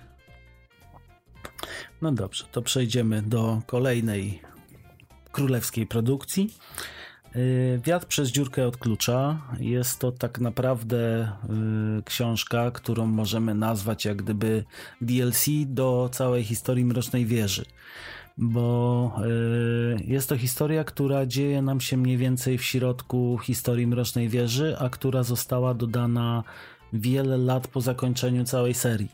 I troszeczkę fajnie nam ją to uzupełnia uzupełnia nam e, wiedzę na temat głównego bohatera, e, uzupełnia nam tutaj e, dodatkowo, opowiada nam historię związaną z całym tym światem, natomiast w zupełnie w innej odsłonie. Więc tu jest to książka uzupełniająca po prostu do całej serii i no to jak mówię, ja jestem wielkim i zagorzałym fanem pana Kinga i całej serii Mrocznej Wieży i tutaj y, no będę monotematyczny, ale jedna rzecz, którą zaznaczę, że film był po prostu tragiczny. E, poczekaj, poczekaj, bo ja mam teraz takie flashbacki z Wietnamu i kojarzę, może się mylę, może to nie jest ta książka, ale kojarzę właśnie taką książkę uzupełniającą do Mrocznej Wieży, w której bohater opowiadał innemu bohaterowi historię, w której młodszy on opowiadał historię komuś, komu ktoś opowiadał historię. To czy, znaczy czy to, są to, dwie czy to, takie jest... książki. To jest akurat ta, o której mówisz, że tak, historia od historii o, o historii i tak dalej. Natomiast. Nie, o y, nie, to, to, to dla mnie to było tak złe po prostu. Nie, mi się bardzo właśnie, ale to trzeba najpierw przerobić Mroczną Wieżę, żeby docenić y, tą y, wiatr przez dziurkę od klucza, a drugą książką uzupełniającą tutaj tę całą serię to są Oczy Smoka. I tam też jest historia opowiadana przez jego jako młodego komuś tam ktoś mu ją opowiadał, więc tu jest zachowana po prostu ta formuła, natomiast same te historie fajnie uzupełniają to uni uniwersum. No to wiem o czym mówimy, no to ja polecę z takim grubym tematem, czy moim zdaniem grubym tematem, e, trylogia ciągu. E, trzy książki, to jest moja pierwsza styczność z cyberpunkiem. No i kurczę, byłem tak wciśnięty w leżaczek, ja to na wakacjach jakiś czytałem, że chyba w ciągu dwóch dni przeczytałem tego Neuromancera i potem zaraz się zebrałem za, za, za kolejne książki i to jest dla mnie coś niesamowitego. To może dlatego, że to była pierwsza książka cyberpunkowa, jaką e, przeczytałem, to dla mnie po prostu ten opis e, miast przyszłości, surfowania e, mózgiem po internecie i cała ta, ta koncepcja w ogóle fa fabularna tego, że tam oni coś muszą tam wykrać, włamać się i w ogóle no, cudo, cudo, cudo, e, te wszystkie wszczepy, modyfikacje, e, cały ten świat korporacyjny i e, stacja kosmiczna rastafariańska, po prostu y, bajka i Mistrzostwo Świata y, dla mnie totalnie. No ja muszę sobie to w końcu nadrobić, bo zbliżamy się wielkimi krokami do cyberpunka tutaj jako gry i ja w dalszym ciągu nie znalazłem czasu, żeby sobie nadrobić jakąkolwiek pozycję cyberpunkową. No to to jest, to jest e, takie do, dobre wejście. To po prostu trafisz na grunt, który jest ten, ten, ten, ten plewny, nie? Ten, ten, ten Boże, ten, ten urodzajny. Że, że po prostu to będzie coś, co cię na pewno zaciekawi. E, historia jest dość mocno intrygująca i cały ten opis tego świata, wprowadzenie do niego, e, sam sposób narracji, a już w ogóle o zakończeniu nie mówiąc, mnie tam to wszystko wryło po pierwszej części y, dwie pozostałe y, troszeczkę y, były gorsze. Nie, nie byłem pod takim wrażeniem, ale dalej trzymały bardzo fajny, wysoki poziom. No to na pewno się przełamę i nadrobię.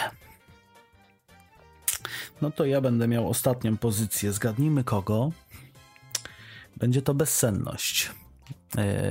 I tutaj książka jest o tyle dla mnie ważna, o tyle taka przełomowa, że to była pierwsza y, książka, którą przeczytałem z własnej, nieprzymuszonej woli y, w całości i tak naprawdę historia nie jest o tyle ciekawa i wciągająca, bo jest to troszeczkę y, historia tak po czasie, jak teraz sobie ją analizowałem, jest to historia, która opowiada tak naprawdę o 70-letnim dziadku, który ma mocną schizofrenię i mm, Mocno, mocno po prostu jest tutaj schorowany psychicznie, jakbyśmy na to się, na to się mocniej przyjrzeli. Yy, natomiast była o tyle wciągająca i lekko napisana, że jako tam siedmiu czy sześciolatek po prostu ją wciągnąłem w ciągu tygodnia, gdzie jeszcze to czytanie nie było jakieś tam na super poziomie, że poza jakimiś bajkami Disneya i innymi tego typu produkcjami czy lekturami szkolnymi, które trzeba było przeczytać, to to była pierwsza książka, którą e, wziąłem w ręce i po prostu przeczytałem od deski do deski bez żadnego przymusu, bez e, nakazu. I dlatego ona tutaj też na tej liście się pojawia, bo e, dość często do niej wracam, tylko w tym momencie już wracam w oryginale, nie, nie czytam jej w języku polskim, tylko czytam ją w oryginale po angielsku. No ja się nie wypowiem, nie, nie, nie kojarzę, nie czytałem, także no jest to ciężka historia, to znaczy ciężka teraz patrząc po prostu po tym, po tym czasie, jak y, sobie człowiek uświadamia, co tam jest na drugim planie, na drugim dnie. Natomiast tak jak czytamy ją jako to, co jest na pierwszym planie, no to ona jest lekka, fajna i przyjemna. Szybka, krótka historia, natomiast tak jak się zastanowimy o co tam chodziło, no to wtedy zaczyna się robić ta książka dość ciężka. No to ja teraz polecę tak totalnie z grubej rury, e, zatrząsę e, całym, całą społecznością i wszystkimi dookoła. E, mianowicie to jest książka, która wiąże się dość mocno z okresem mojego nastoletniego buntu, czyli, uwaga, tum, tum, tum, Biblia. O! O! O. Historia, historia jest taka, że... Ja zasadniczo gdzieś tam w momencie e, bycia mojego właśnie tam na przełomie gimnazjum, liceum, zacząłem tam dość mocno negować sytuację związaną z kościołem, e, a z racji tego, że w moim domu rodzinnym e, chodziło się do kościoła co niedzielę i co każde święto i co każdy tam piątek, różańce, te wszystkie inne atrakcje, na to trzeba było chodzić i był na to dość mocno obowiązek. Ja się momencie zacząłem buntować i z racji tego, że nie miałem za bardzo argumentów na, na buntowanie się na zasadzie nie, bo nie, nie budowałem argumentem, postanowiłem zagrać y, ich własną bronią i siadłem i przeczytałem od dechy do dechy Stary i Nowy Testament. I, Podziwiam. To, to była momentami ciężka walka i nierówna, ale zrobiłem to wtedy z takich pobudek y, może niekoniecznie właściwych, tak? No bo, buntowniczych. E, tak, buntowniczych, bo czytałem Biblię po to, żeby móc negować wiarę. E, no i powiem szczerze, że tak, e, jeżeli ktoś ten, ten fundament wiary będzie miał bardzo solidny, no to myślę, że każdy katolik powinien, e, taki mocno wierzący, powinien znać, znać tą książkę, no książkę, no, no książkę, no kurczę, no to jest, jest to, jakby to jest... nie było książka. Tak, y, no uwaga, spoiler, na końcu Jezus umiera, mm, także uwaga, no, dziwko. Nie, ale tak... Będziemy tak musieli ten fragment wyciąć, bo po prostu tak. nas później ukrzyżują. Tak, y, ale tak zupełnie na poważnie to y, no z zakończeniem czytania Biblii zakończyła się moja taka szersza przygoda z wiarą właściwie, bo znaczy może z wiarą jak z wiarą, nie? Ale bardziej tak w sensu stricte z kościołem. Jak się to przeczyta, to jeżeli ma się w podstawy ku temu, żeby gdzieś tam wątpić w samą instytucję kościoła, to Biblia nas bardzo mocno w tym uświadczy i, i spowoduje, że tam znienawidzimy całą tą instytucję, a jeżeli mamy takie y, fundamenty, że tam Kościół jest spoko, jest fajnie, no to nas to utwar, utrwali i tak dalej. No swoją drogą, no całkiem fajne historie tam są opisane, e, historyczne, niehistoryczne, jak zwał, tak zwał, każdy sobie to zinterpretuje indywidualnie, myślę, bo to tego, bo to tego typu dzieło, gdzie nie ma się co tam wpieprzać w interpretację komuś, e, ale, ale jest spoko, jest sporo ciekawych takich życiowych prawd tam zapisanych i, i, i, jest tam kilka takich poradników e, stricte moralnych, jak nam wypadałoby postępować. E, no ale tak jak mówię, no ja w momencie, kiedy skończyłem e, czytać, to, to skończyła się moja przygoda z chodzeniem do kościoła tak trwale i od tamtej pory też również miałem zawsze argument na każdą tekst, czy babci, czy mamy odnośnie kościoła i chodzenia do kościoła. Miałem zawsze jakiś ambitny, mądry cy cy cytacik do podrzucenia, który obalał ich argumenty odnośnie idź, bo idź, bo trzeba. Tutaj więcej nic nie dodam, również nie jestem praktykujący, więc y, tutaj ogólnie moja historia z kościołem się nigdy nie zaczęła do końca, więc no tutaj nie, nie chcę też się wypowiadać, bo nigdy nie przeczytałem Biblii całości, więc y, żeby tutaj nie sprowadzić na nas gromów, to może nie będę się wypowiadał. tak. No to zostały nam gry i seriale. To co, może gry zostawimy sobie na koniec i pojedziemy z serialami. Okej, okay, dobra. No to y, dla mnie taki w cudzysłowie majstersztyk, ale troszkę opóźniony. Już o nim wspominałem w poprzednim odcinku. To jest Westworld czyli y, historia, która jest fajnie pociągnięta. Y, teraz y, skończyłem trzeci sezon oglądać.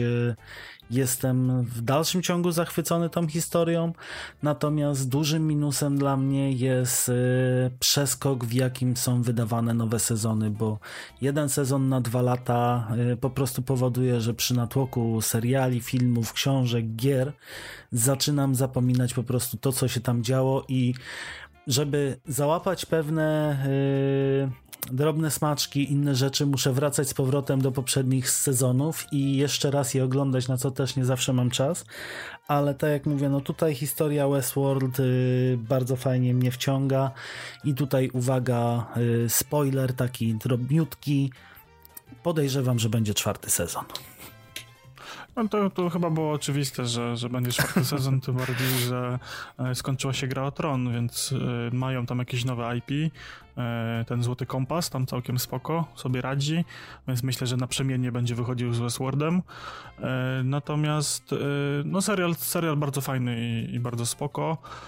Na mojej liście się nie znalazł. Na moja lista jest bardzo specyficzna, bo ja w ogóle, jeżeli chodzi o seriale, to ja mam taki problem, że ja Netflix to już skończyłem oglądać dawno jak wychodzi jakiś nowy serial, to, to ja po prostu jestem na bieżąco, bo z żoną bardzo dużo oglądamy seriali, na, na HBO jest to samo, teraz mamy tego Prima, tam też zaraz będziemy już na bieżąco, także serialowo mamy, serialowo jesteśmy trochę pierdolnięci. E, no i na mojej liście pojawił się serial, od którego zaczęła się moja serialowa mania, czyli e, Lost, Zagubieni. E, serial J.J. Abramsa. To był dla mnie e, po latach ciężki szok, że pan Abrams robił Losty, bo ja te Losty pierwsze oglądałem tak trochę nieświadomie, natomiast e, one tam leciały na jakimś TVP2 albo na czymś takim i ja tam dwa razy w tygodniu chyba, we wtorek i w czwartek one leciały. Tam z dużym opóźnieniem względem pewnie Stanów i tak dalej, e, ale... No ja oglądałem na AXN-ie właśnie dwa dni po premierze zazwyczaj. No to ja, znaczy, ja w pewnym momencie też y, chyba jak ta historia na TVP dogoniła tą historię w USA, to potem też się chyba przerzuciłem właśnie na Xena. Y, to już tak pamiętam bardziej tam 2008, 2009, ale te, te początkowe lata tam 2006, jak zacząłem to oglądać, to, to leciały właśnie na TVP te początkowe sezony, one leciały chronologicznie, także spoko, bo to nie zawsze się w telewizji dzieje, znaczy bynajmniej wtedy działo. Dużo seriali leciało po prostu było puszczonych wyrywkowo. I tutaj ta historia by bardzo mocno zaciekawiła jaki ten serial jest, to nie będę wchodził w ogóle w dyskusję, czy on jest dobry, czy słaby, czy przegieli, czy nie przegieli. W każdym bądź razie on był na tyle pokręcony, pogięty, zaskakujący, interesujący, że rozbudził we mnie chęć oglądania e, seriali e, no to było coś, to było dla mnie coś nowego. No kurczę, wcześniej w telewizji to leciały tam jakieś klany, złotopolscy, jak miłość i to nie było nic interesującego, a tutaj, tutaj była jakaś taka, wiesz, przygoda, jakaś tajemnica, jakaś zagadka, coś się działo. Ta historia dokądś zmierzała, a nie była po prostu kolejnym odcinkiem e, podglądania sąsiadów przez okno, e, czy, czy jak zwał, tak zwał, I po, nie? I, po, to... I podstawiania wanny pod telewizor, bo zawsze ktoś płakał. No właśnie, więc tutaj to było coś, coś zupełnie innego i oglądałem ten serial dwa razy, tak na bieżąco, a potem jak już tam wyszedł, to sobie tam na jakimś pierwszym VOD, tam chyba w okolicach 2013-2014 roku obejrzeliśmy z żoną właśnie całość. E, no i no, to no spoko jest, no. No tak jak mówię, ja go dodałem do listy z racji na, na ten sentyment e, rozbudzenia we mnie serialowej miłości. No ja się zatrzymałem chyba na drugim sezonie i dalej już nie, nie zabrnąłem. Troszeczkę historia za bardzo mi się zagmatwała i się zacząłem gubić. Drugim albo trzecim, nie pamiętam. E, no dobrze, to ja będę tutaj miał taki przewrotny tytuł. E, dokładnie jest to ulubiony serial mojej żony, natomiast e, ja po czasie też go polubiłem i jest to oryginalny tytuł Gilmore Girls, a po polsku mamy Kochane Kłopoty. I jest to serial, który u nas w domu leci przy większości posiłków. Y, żona jak pracuje teraz z domu, to serial leci zapętlony non-stop y, i tak naprawdę ciężko opisać, y, dlaczego on tak wciąga, bo opowiada on historię normalnych ludzi, normalnych problemów, nie ma tam żadnych wodotrysków, są normalne problemy każdego szarego człowieka i może powoduje to, że człowiek się zaczyna z tym utożsamiać i dlatego mu się miło to ogląda. On jest taki trochę jak y, przyjaciele, nie? Że tam się tak niewiele Niewiele nie dziwnego takich... się dzieje. Tak, no, to po prostu, nie? No, historia jak każda inna, to się mogło zdarzyć każdemu, nie? No takie przyjemne, no. Taki, szare, ja to szare nazywam, życie człowieka w małym mieście, no dokładnie Ja to nazywam takimi więcej. Y, nie? Że tam nie musisz się za bardzo skupiać na tym, co się dzieje, tam jak sobie odwrócisz na 5 minut z y, oczy, to, to nie stracisz nie wiadomo czego, mniej więcej połapiesz się w fabule, nawet jak ci coś tam więcej umknie. Także nawet spoko. jak no, to jest takie... ci umkną, też się połapiesz no, bez problemu. No, to jest takie, takie przyjemne, przyjemne na spokojnie do pooglądania. Też, też polecam. Zgadza się. No, no to, to u czekamy. mnie jest e, serial, który też prze, przewałkowałem milion razy i on jest takim moim żony guilty pleasure, czyli Alo Alo. To jest starość straszny, no to jest 82-92 rok. E, no to jest taki pierwszy sitcom, no i kurczę, no tam, tam bawi wszystko, ta po prostu absurdalna historia e, francuskiej e, kawiarni e, w okupowanej Francji, angielscy lotnicy i po prostu cały ten absurd tego, co się tam dzieje, to jest po prostu jedna wielka parodia na, na, na drugą wojnę światową, i oni się śmieją ze wszystkich, bo i z Anglików, i z Niemców, i z Francuzów, i z Włochów. Tam jest po prostu jedna wielka e, kanonada żarcików i to ja to uwielbiam oglądać. No ja to znam na pamięć, te teksty. E, to jest dla mnie coś po prostu wspaniałego. Mm, wcale ci się nie dziwię. No, ja uwielbiam postać Leclerca i tego. Y, no, i policjanta. No po prostu to są jedne... Tak, on, oni są po prostu najlepsi i wcale się nie dziwię, że ten serial znalazł się na twojej liście. No to ja teraz dodam też z takich nowości bardziej, no to The, The Good Place y, albo po naszemu y, Dobre Miejsce. Y, bardzo sympatyczny serial opowiadający o życiu po życiu. I tutaj, jeżeli ktoś nie oglądał, nie chcę nikomu zdradzać o jak się zaczyna, jak się kończy. Natomiast y, jeżeli ktoś oglądał y, Stokrotki od dołu, bodajże się nazywał tak serial, y, to jest podobny poziom humoru i naprawdę bardzo, bardzo, bardzo mocno go polecam na takie właśnie posiadówy wieczorem przy kawie, przy kolacji, tak żeby się odmurzyć, żeby się pośmiać.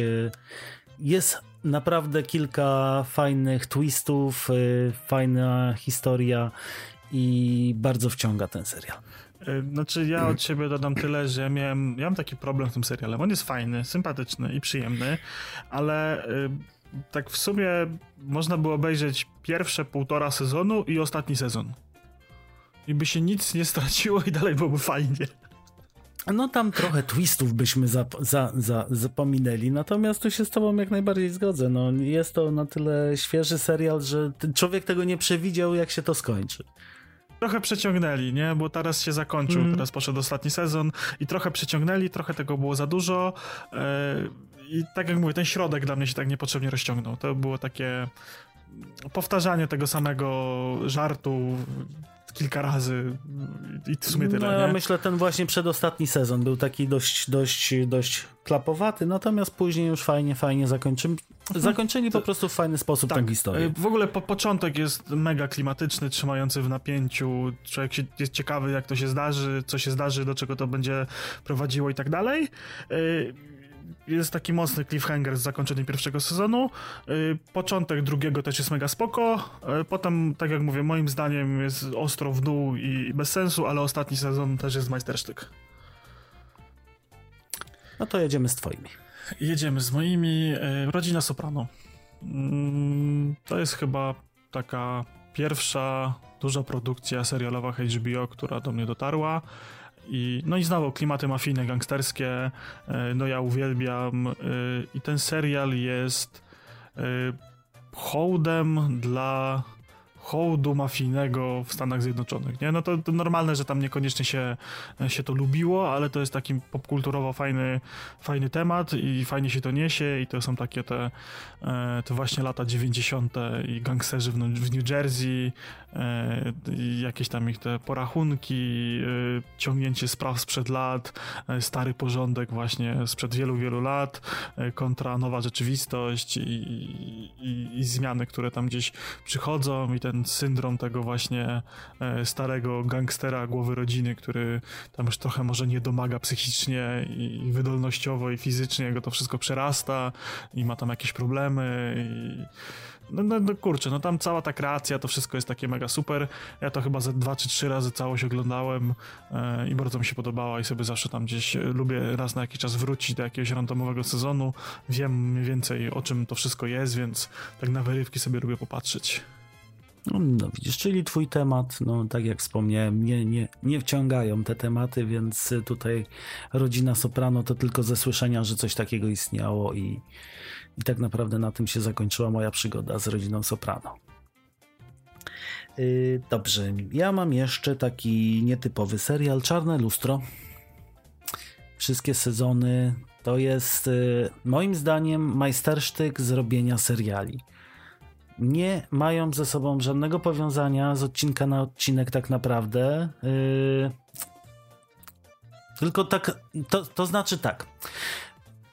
Teoretycznie nie mają. Natomiast y, później, jak się zagłębiamy w tą historię, widzimy te powiązania w niektórych, yy, oczywiście chyba w drugim albo w trzecim sezonie była taka sytuacja, że one były bardzo mocno powiązane ze sobą, ale też trzeba było do tych smaczków dotrwać. Znaczy zasadniczo I... tak, tam jest taka koncepcja tego, że one się wszystkie dzieją w tym samym świecie na przestrzeni kilku różnych lat i niekoniecznie chronologicznie, także e, każdy odcinek jest indywidualną historią, tak, i zamkniętą w 100%, ale osadzoną w tym jednym konkretnym świecie i te światy e, w takich drobnych smaczkach tam e, przenikają, że po prostu tam w jakimś odcinku pojawia się jakaś technologia czy urządzenie używane w jakimś zupełnie innym, więc tak, no, tak, takie mrugnięcie okiem bardziej, nie? Dokładnie, tak. Natomiast no, sam serial yy, wywołał bardzo dużo kontrowersji na, po, na początku ze względu na sceny, jakie się tam odbywają, yy, ale ogólnie pokazanie właśnie mi się podoba ze względu na to, co pokazuje, co może się stać z człowiekiem, właśnie podobnie jak do książki Komórka, jeżeli z czymś zaczynamy przesadzać że za bardzo zawierzamy czasem technologii, za bardzo zawierzamy jakimś nowinkom i do czego to może tak naprawdę doprowadzić, jeżeli przestaniemy mieć nad tym kontrolę. No zgadza się. No w ogóle tam no, dużo, dużo jest różnych takich ciężkich tematów e, cyberpunkowo-technologicznych poruszanych, które właściwie dotykają nas już teraz już, już codziennie i ten cyberpunk już jest dzisiaj, e, więc e, no warto sobie obejrzeć, warto sobie sprawdzić co się może wydarzyć w najbliższej przyszłości, albo co się już teraz dzieje i przeanalizować sobie to. To są takie dość mocno filozoficzne rozkminy, moim zdaniem, tam wchodzą. No tak naprawdę pokazanie troszeczkę w krzywym zwierciadle, myślę, że w bardzo krzywym, natomiast no, wyostrzenie tego wszystkiego pokaże nam na, ja po obejrzeniu serialu, powiem szczerze, ograniczyłem sobie troszeczkę dostęp właśnie do internetu, do telefonu. Nie jest tak, że siedzę z nim 24 na 7, tylko ten telefon jednak odkładam. Nie, nie, nie mam go 7 godzin dziennie przed oczami. No to co, polecimy sobie dalej. U mnie na liście jest Breaking Bad, czyli serial, który podobno według statystyk e, jest serialem odnośnie którego najwięcej ludzi kłamią, że oglądali. Że dużo ludzi po prostu mówi, że widziało i oglądało, a tak naprawdę nie oglądało. E, no i ja go widziałem sporo, sporo po zakończeniu ostatniego sezonu w całości. Obejrzałem sobie właśnie jak Netflix szedł do Polski, to po prostu sobie całość obejrzałem. Wcześniej wiedziałem, w mojej świadomości było, że, że, że taki serial był. E, I on jest bardzo fajny i, i, polecam i ma bardzo fajną historię, e, taką właśnie z życia, która bardzo fajnie pokazuje, jak to się człowieka los może wywrócić o 180 stopni. Pokazuje w bardzo ładny, e, nawet nie przerysowany sposób, ale w taki po prostu życiowy sposób, ży, życiowy sposób pokazuje, do czego są zdolni ludzie, w określonych sytuacjach, tak? Na co dzień nie mamy takich rozkmin, czy, czy byśmy coś zrobili, gdyby, i nam się wydaje, że e, pewnie nie, bo ja taki nie jestem, nie? A jak przyprzesz człowieka Dopóki do ściany... nas się nie postawił do ściany. Tak, tak, tak. A to właśnie pokazuje takie sytuacje, że jak się przyprze człowieka do ściany, to potrafi zrobić różne rzeczy. I ta historia jest bardzo fajna i ja uważam, że... Sama realizacja tych odcinków, tak każdy odcinek jest trochę w innym stylu kręcony, e, często przez innego reżysera i tak dalej i tam jest dużo takiej treści i artystycznej dodanej. Ja, to, to jest coś, co ja w ogóle bardzo lubię e, w kinematografii i, i w grach, że takie odciśnięte, jak te filmy Marvela na przykład, nie? Od kalki, że takie samo, takie samo, takie samo, takie samo. E, mimo tego, że ta historia jest fajna, to się fajnie ogląda, to nie sprawia mi takiej przyjemności właśnie jak patrzenie na e, indywidualny kunszt, czy operatora, czy, czy reżysera w jakimś dziele i fajnie się to właśnie ogląda na przestrzeni jednego sezonu, kiedy każdy odcinek reżyserowała inna osoba i widać, że każda e, osoba miała inną wizję, że ta, ta historia jest spójna cała, tak? Ona się fajnie składa w jeden ciąg, ale są na inne aspekty zwracana uwaga, w inny sposób działa operator, inny sposób światło, e, mamy inne naciski na, na inne rzeczy przeniesione i to jest coś mega super, mega fajnego. E, tam wyszedł ten El Camino ostatnio, e, takie dopełnienie tej historii. No też było spoko. E, może nie podobało mi się tak bardzo jak serial, e, a może to przez to, że jeszcze jest Better Call Saul, czyli historia dziejąca się w uniwersum Breaking Bad, który uważam, że jest jeszcze bardziej genialniejszy od Breaking Bad i od, od wszystkiego. Opisuje jeszcze fajniejszą historię, jest jeszcze bardziej dopracowany, jeszcze bardziej świadomie działa. Także ogólnie polecam serial cały. I w ogóle całe to uniwersum. Ja tu będę w mniejszości i przyznam się, że nie obejrzałem. Trzeba było skłamać, mielibyśmy potwierdzenie statystyki. Ale jestem zawsze w mniejszości, więc muszę tutaj trzymać swoj, swoją, y, swoją politykę. Dobrze, to ja wypalę z, z totalną sztampą, czyli Netflixowy Wiedźmin. Tutaj e, serial mnie się bardzo podobał. E, wciągnął mnie na tyle, że cały, cały sezon obejrzałem w ciągu e, de facto dwóch wieczorów. Razem z żoną sobie zasiedliśmy i całość po prostu obejrzeliśmy w ciągu dwóch dni. No to ja na raz siedliśmy z żoną rano i w godzinę premiery i do wieczora było po sprawie. Nie, my za, my za późno po prostu usiedliśmy i już brakło tej trzeciej w nocy. Uznaliśmy, że się położymy spać, że na następny dzień skończymy. Znaczy, tak, jest fajnie, nie jest idealnie, ale liczę, że będzie lepiej. E, no, tam gruby hajs teraz się posypał na efekty specjalne do, do Placi Gimash, e, czyli naszego e, warszawskiego studia Placi Gimash. No i myślę, że właśnie jak, jak te hajsy poszły, to te efekty będą super i, i będzie jeszcze więcej magii, potworów i wszystkiego w kolejnym sezonie. Czekam, cieszy mnie to, że bardzo prace nad serialem nie spowolniły i może nie będzie to grudzień, ale raczej będzie to styczeń przyszłego roku, kolejny sezon, także trzymam kciuki. I miejmy nadzieję, że smoki będą ładniejsze. No, no teraz dostali tam tak, ze, dwa, ze dwa miliony chyba albo trzy, także myślę, że na smoka starczy. Może nie będzie złoty, ale ale tak miedziany ale będzie ładniejszy. Tak, będzie ładniejszy. No to lecimy sobie na sam koniec z grami, może już tak przyspieszymy jeszcze, troszeczkę. Poczekaj, poczekaj, A nie, bo ty masz jeszcze... cały, ja ci cały czas jeden ucinam.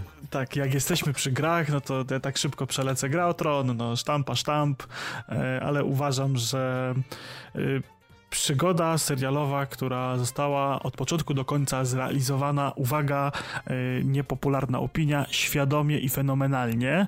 I teraz powiem to tylko i wyłącznie dlatego, że jestem na świeżo po obejrzeniu całości po kolei.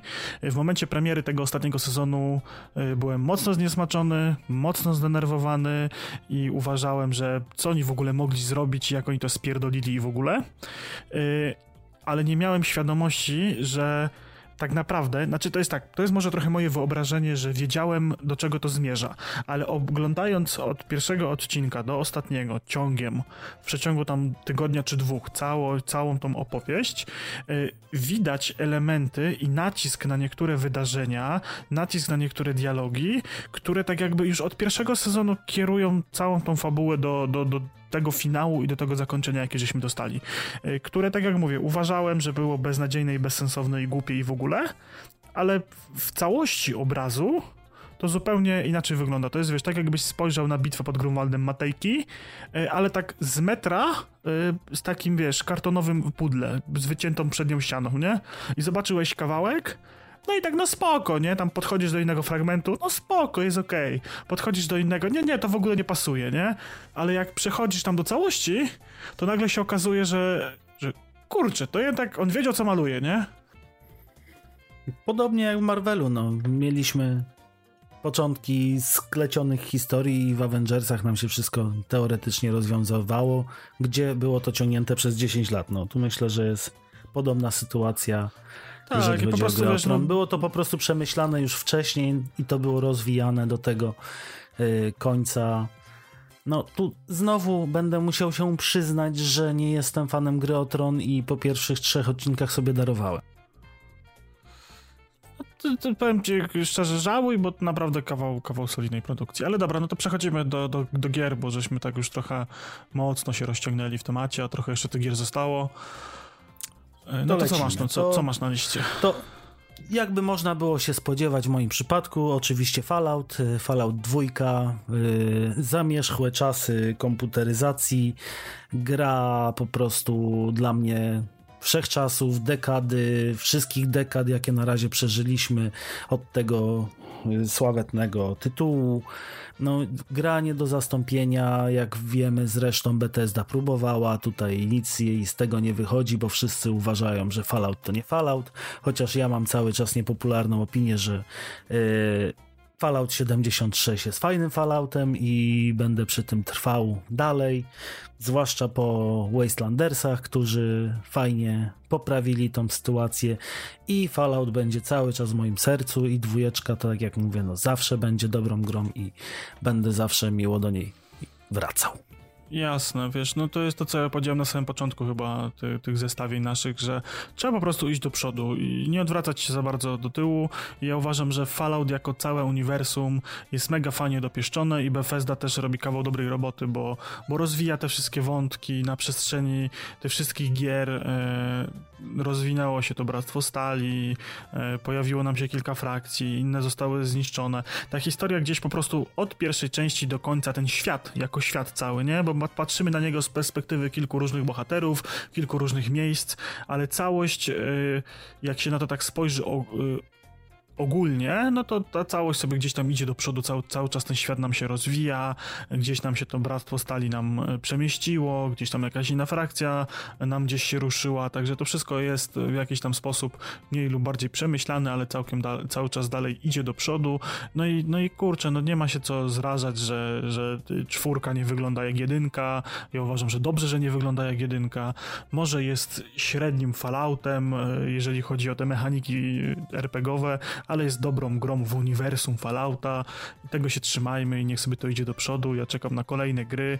Mam nadzieję, że będzie lepiej, będzie fajniej, ten świat będzie dalej rozwijany i będzie się dalej coś działo. Pewnie. Też na to czekam. I tego sobie życzę. Dobrze, no to u mnie jest Heroes trójeczka.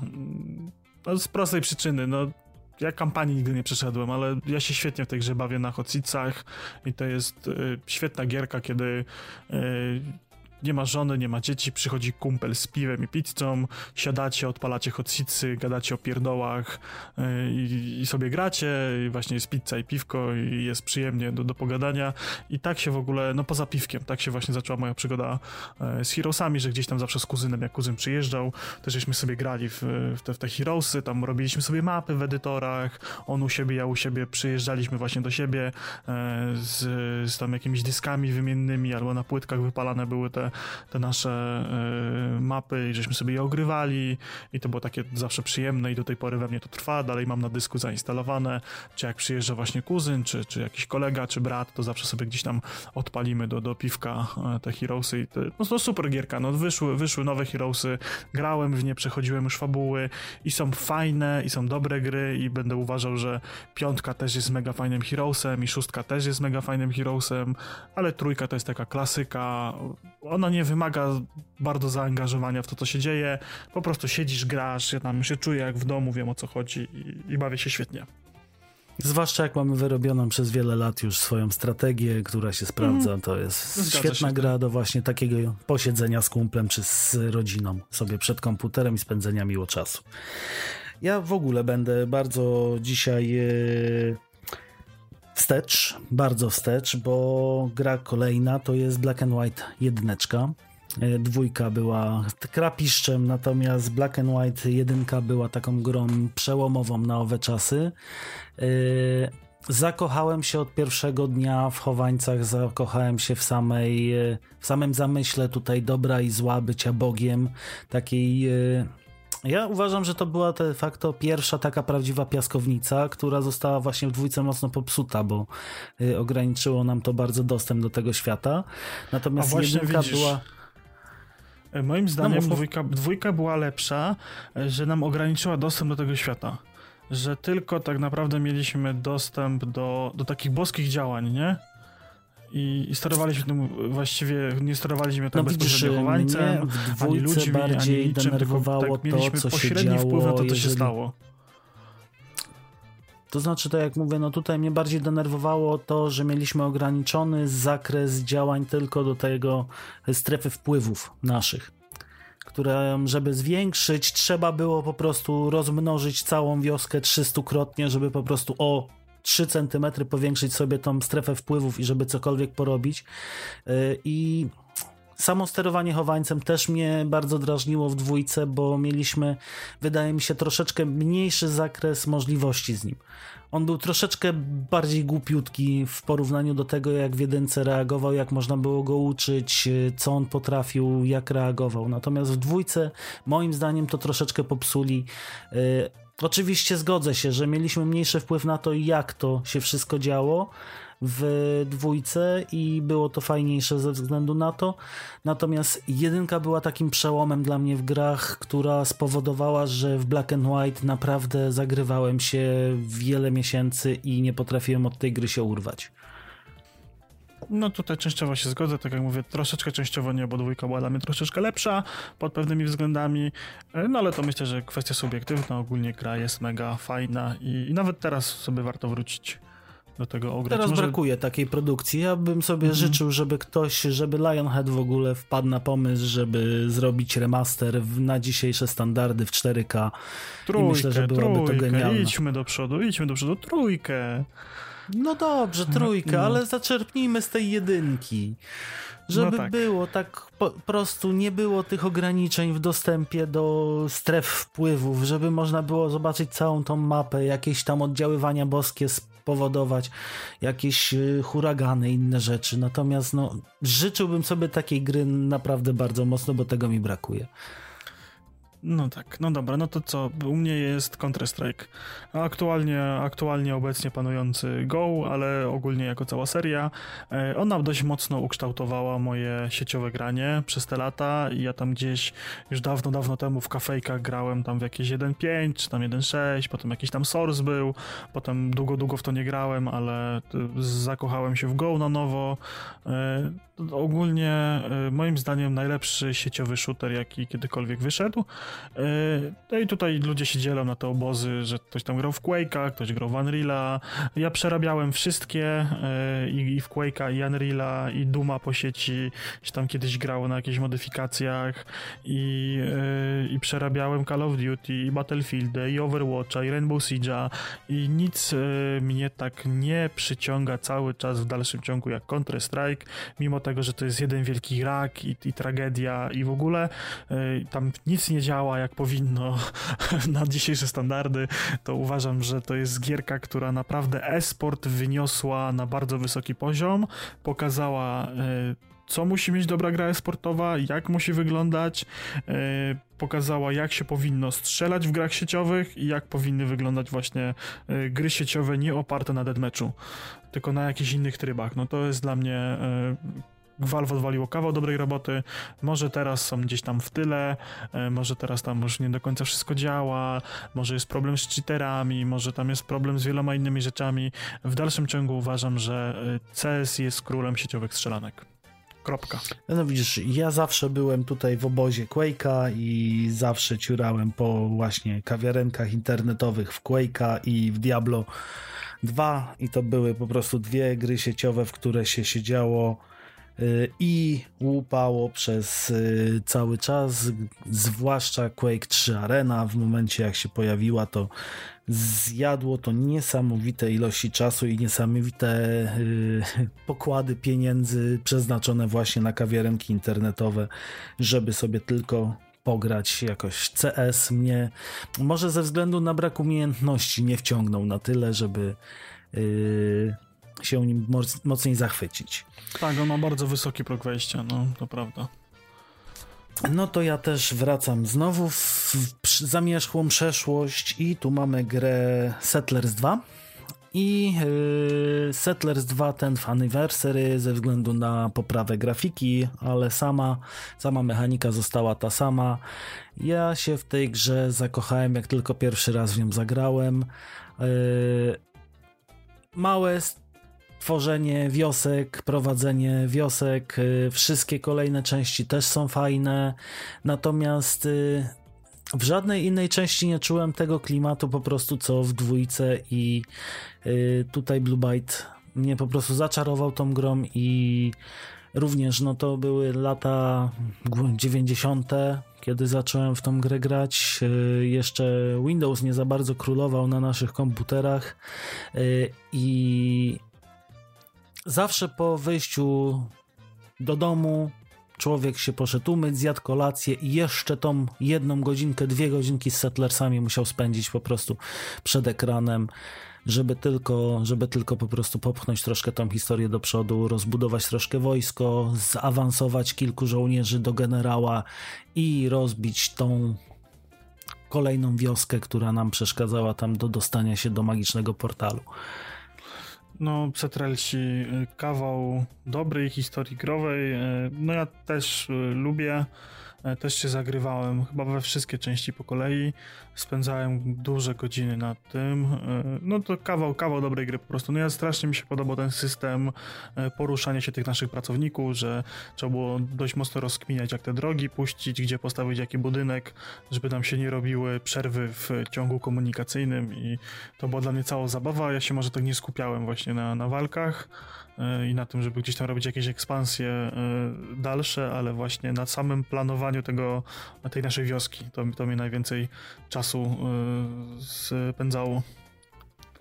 Co mnie, co mnie zaskoczyło kiedyś w Settlersach, to po wielu latach y, grania, to znaczy wielu, po dwóch latach grania, dopiero odkryłem jakąś tam y, misję, że można było przepłynąć, postawić port, postawić y, szkutnika, bo wybudować statki i się przetransportować na inny teren, więc to było takie, mówię, no gra, którą odkrywałem wiele, wiele lat i Polecam każdemu zobaczyć chociaż o co w tej grze chodzi. Niekoniecznie może dwójce, ale ogólnie Settlersi są grą genialną.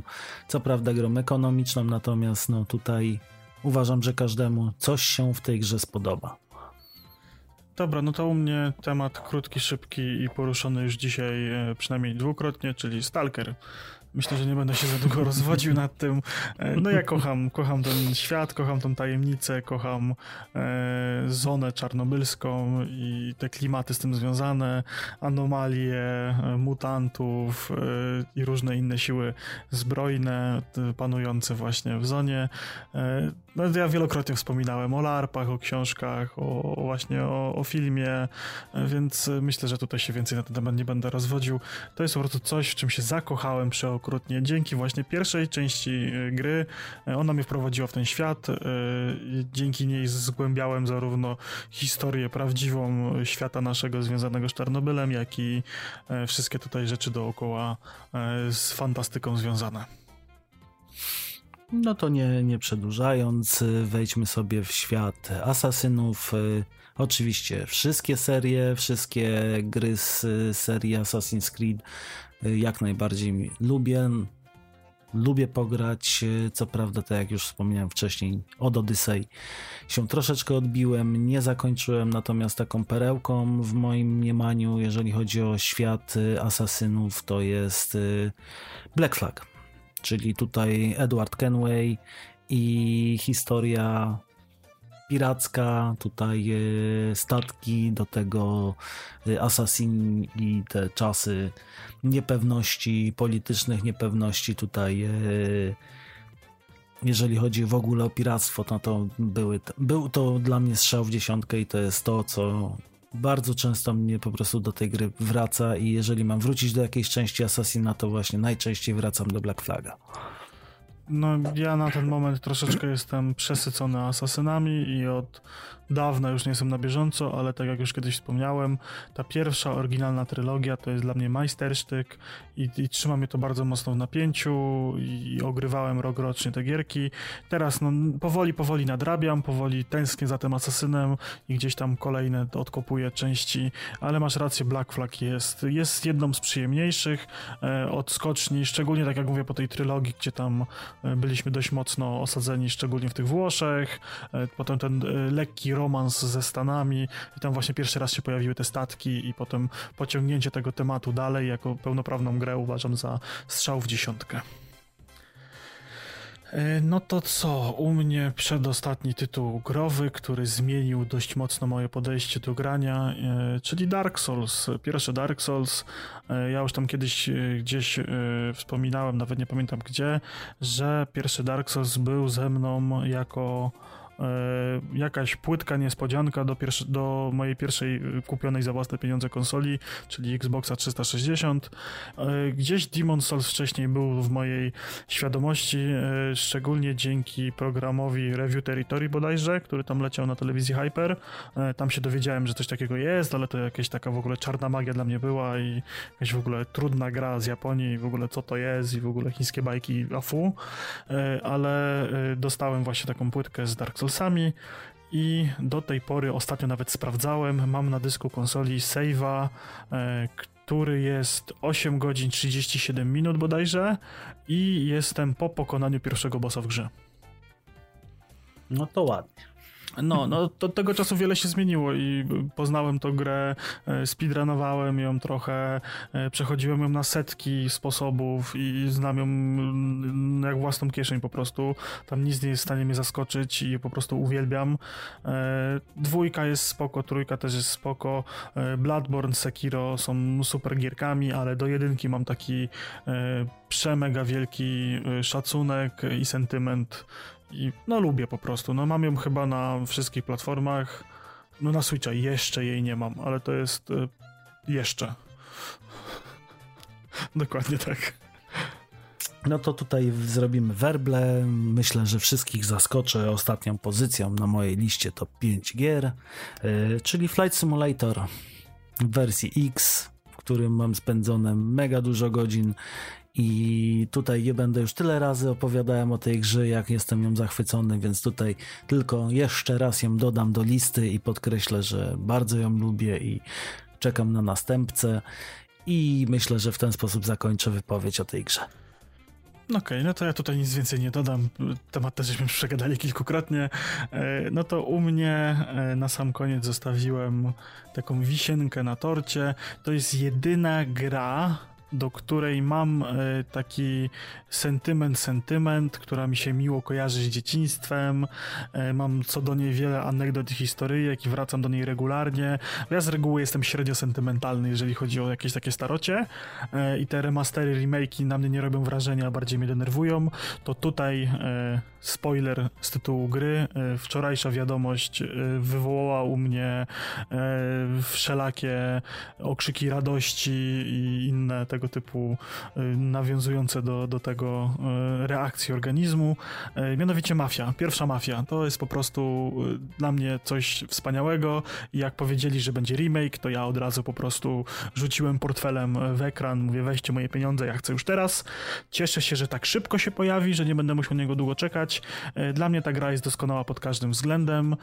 Ja pamiętam jak parę dni po premierze widziałem ją właśnie u starszego kuzyna, e, który sobie ją kupił, bo on już wtedy pracował. Ja wtedy byłem gówniarz e, i, i, nie pracowałem, byłem w podstawówce chyba wtedy i w ogóle jak zobaczyłem, że on gra w taką grę i mówię, kurczę, Jezu, jakie to jest świetne, nie? To było takie GTA... E, tylko że symulator, nie? I to mnie tam, wszystko mnie tam urzekło. Po prostu to, żeby tam ukraść samochód, to trzeba najpierw się nauczyć otwierać danego zamku, e, tam w ogóle misje poboczne były, które były ukryte, tam ona była trochę toporna, fakt faktem, e, to po latach, e, jak do niej wróciłem, to odkryłem, że niekoniecznie zawsze wiadomo, co trzeba zrobić. I jak się niekoniecznie pamięta, co trzeba zrobić, to jest trochę problem z tym, co trzeba zrobić, niekoniecznie wszystko jest dobrze oznaczone i tak dalej, ale kupę czasu przy tej grze spędziłem, robiłem do niej tekstury, mody, e, wiele fajnych rzeczy. E, no i, i, i kurczę, no ten remaster, no ten remake, remaster, jak zwał, tak zwał, no będę brał jak, jak, jak dziki, jak głupi i po prostu cieszy mi się mordeczka strasznie. Bardzo lubię ten klimat i bardzo lubię tę grę. Ja też nie powiem, żebym nie rzucił pieniędzmi po prostu w ekran, że już to chcę, jak zobaczyłem, jak będzie wyglądać i to, co zapowiadają, to jest po prostu malina. E, jedyna, jedyne zawsze e, zastrzeżenie, jakie miałem do mafii, to Pierwsze dwie godziny próby jazdy samochodem i opanowania tej jazdy samochodem były tragiczne, zwłaszcza jak człowiek to próbował robić na klawiaturze.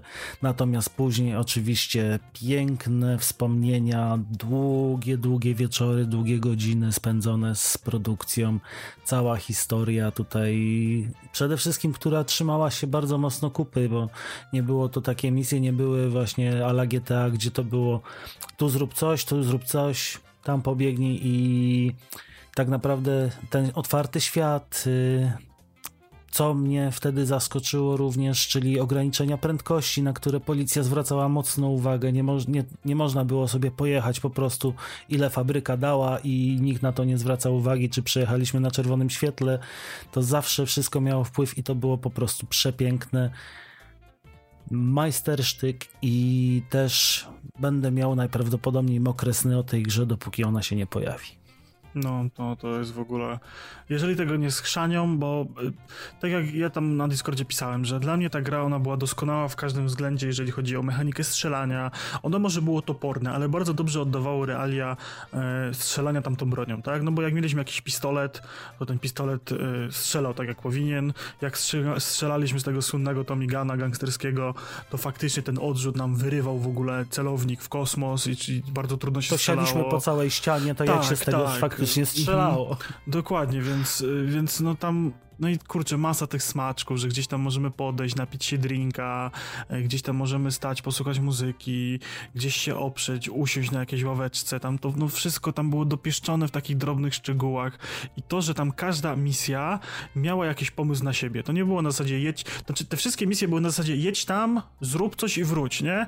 Ale tam były takie smaczki w postaci e, tej słynnej misji na statku, gdzie najpierw, że musieliśmy zabić tam jakiegoś senatora, czy tam e, kogoś innego, czy kandydata na prezydenta już w tym momencie nie pamiętam mniejsza z tym, e, ale broń była schowana w spłuczce od kibla, e, kibel się okazało, że jest zasrany, zażygany, zamknięty, więc trzeba było dostać się do kapitana, e, wziąć klucz, znaleźć wiaderko, posprzątać ten kibel, bo sprawdzali, czy ten kibel jest posprzątany potem po nas, bo mieliśmy takie zadanie, wyciągaliśmy tą broń, potem trzeba było zabić tego, ten nasz cel, potem trzeba było uciec stamtąd, tam wszystko właśnie było, nie polegało tylko na tym, że jechaliśmy, zabijaliśmy, tylko było szereg różnych czynności, które były unikalne dla każdej gry, każda, dla każdej misji. Każda misja była w, w, w osobnej jakiejś scenerii osadzona, e, w osobnym klimacie. Tu padał deszcz, tu jechaliśmy nocą, e, tu jechaliśmy za miasto, tam był pościg, tu było to, no kurczę, no to dla mnie tam było wszystko jak idealne. Jeszcze, no. Jak jeszcze wspominasz o pościgach, to ja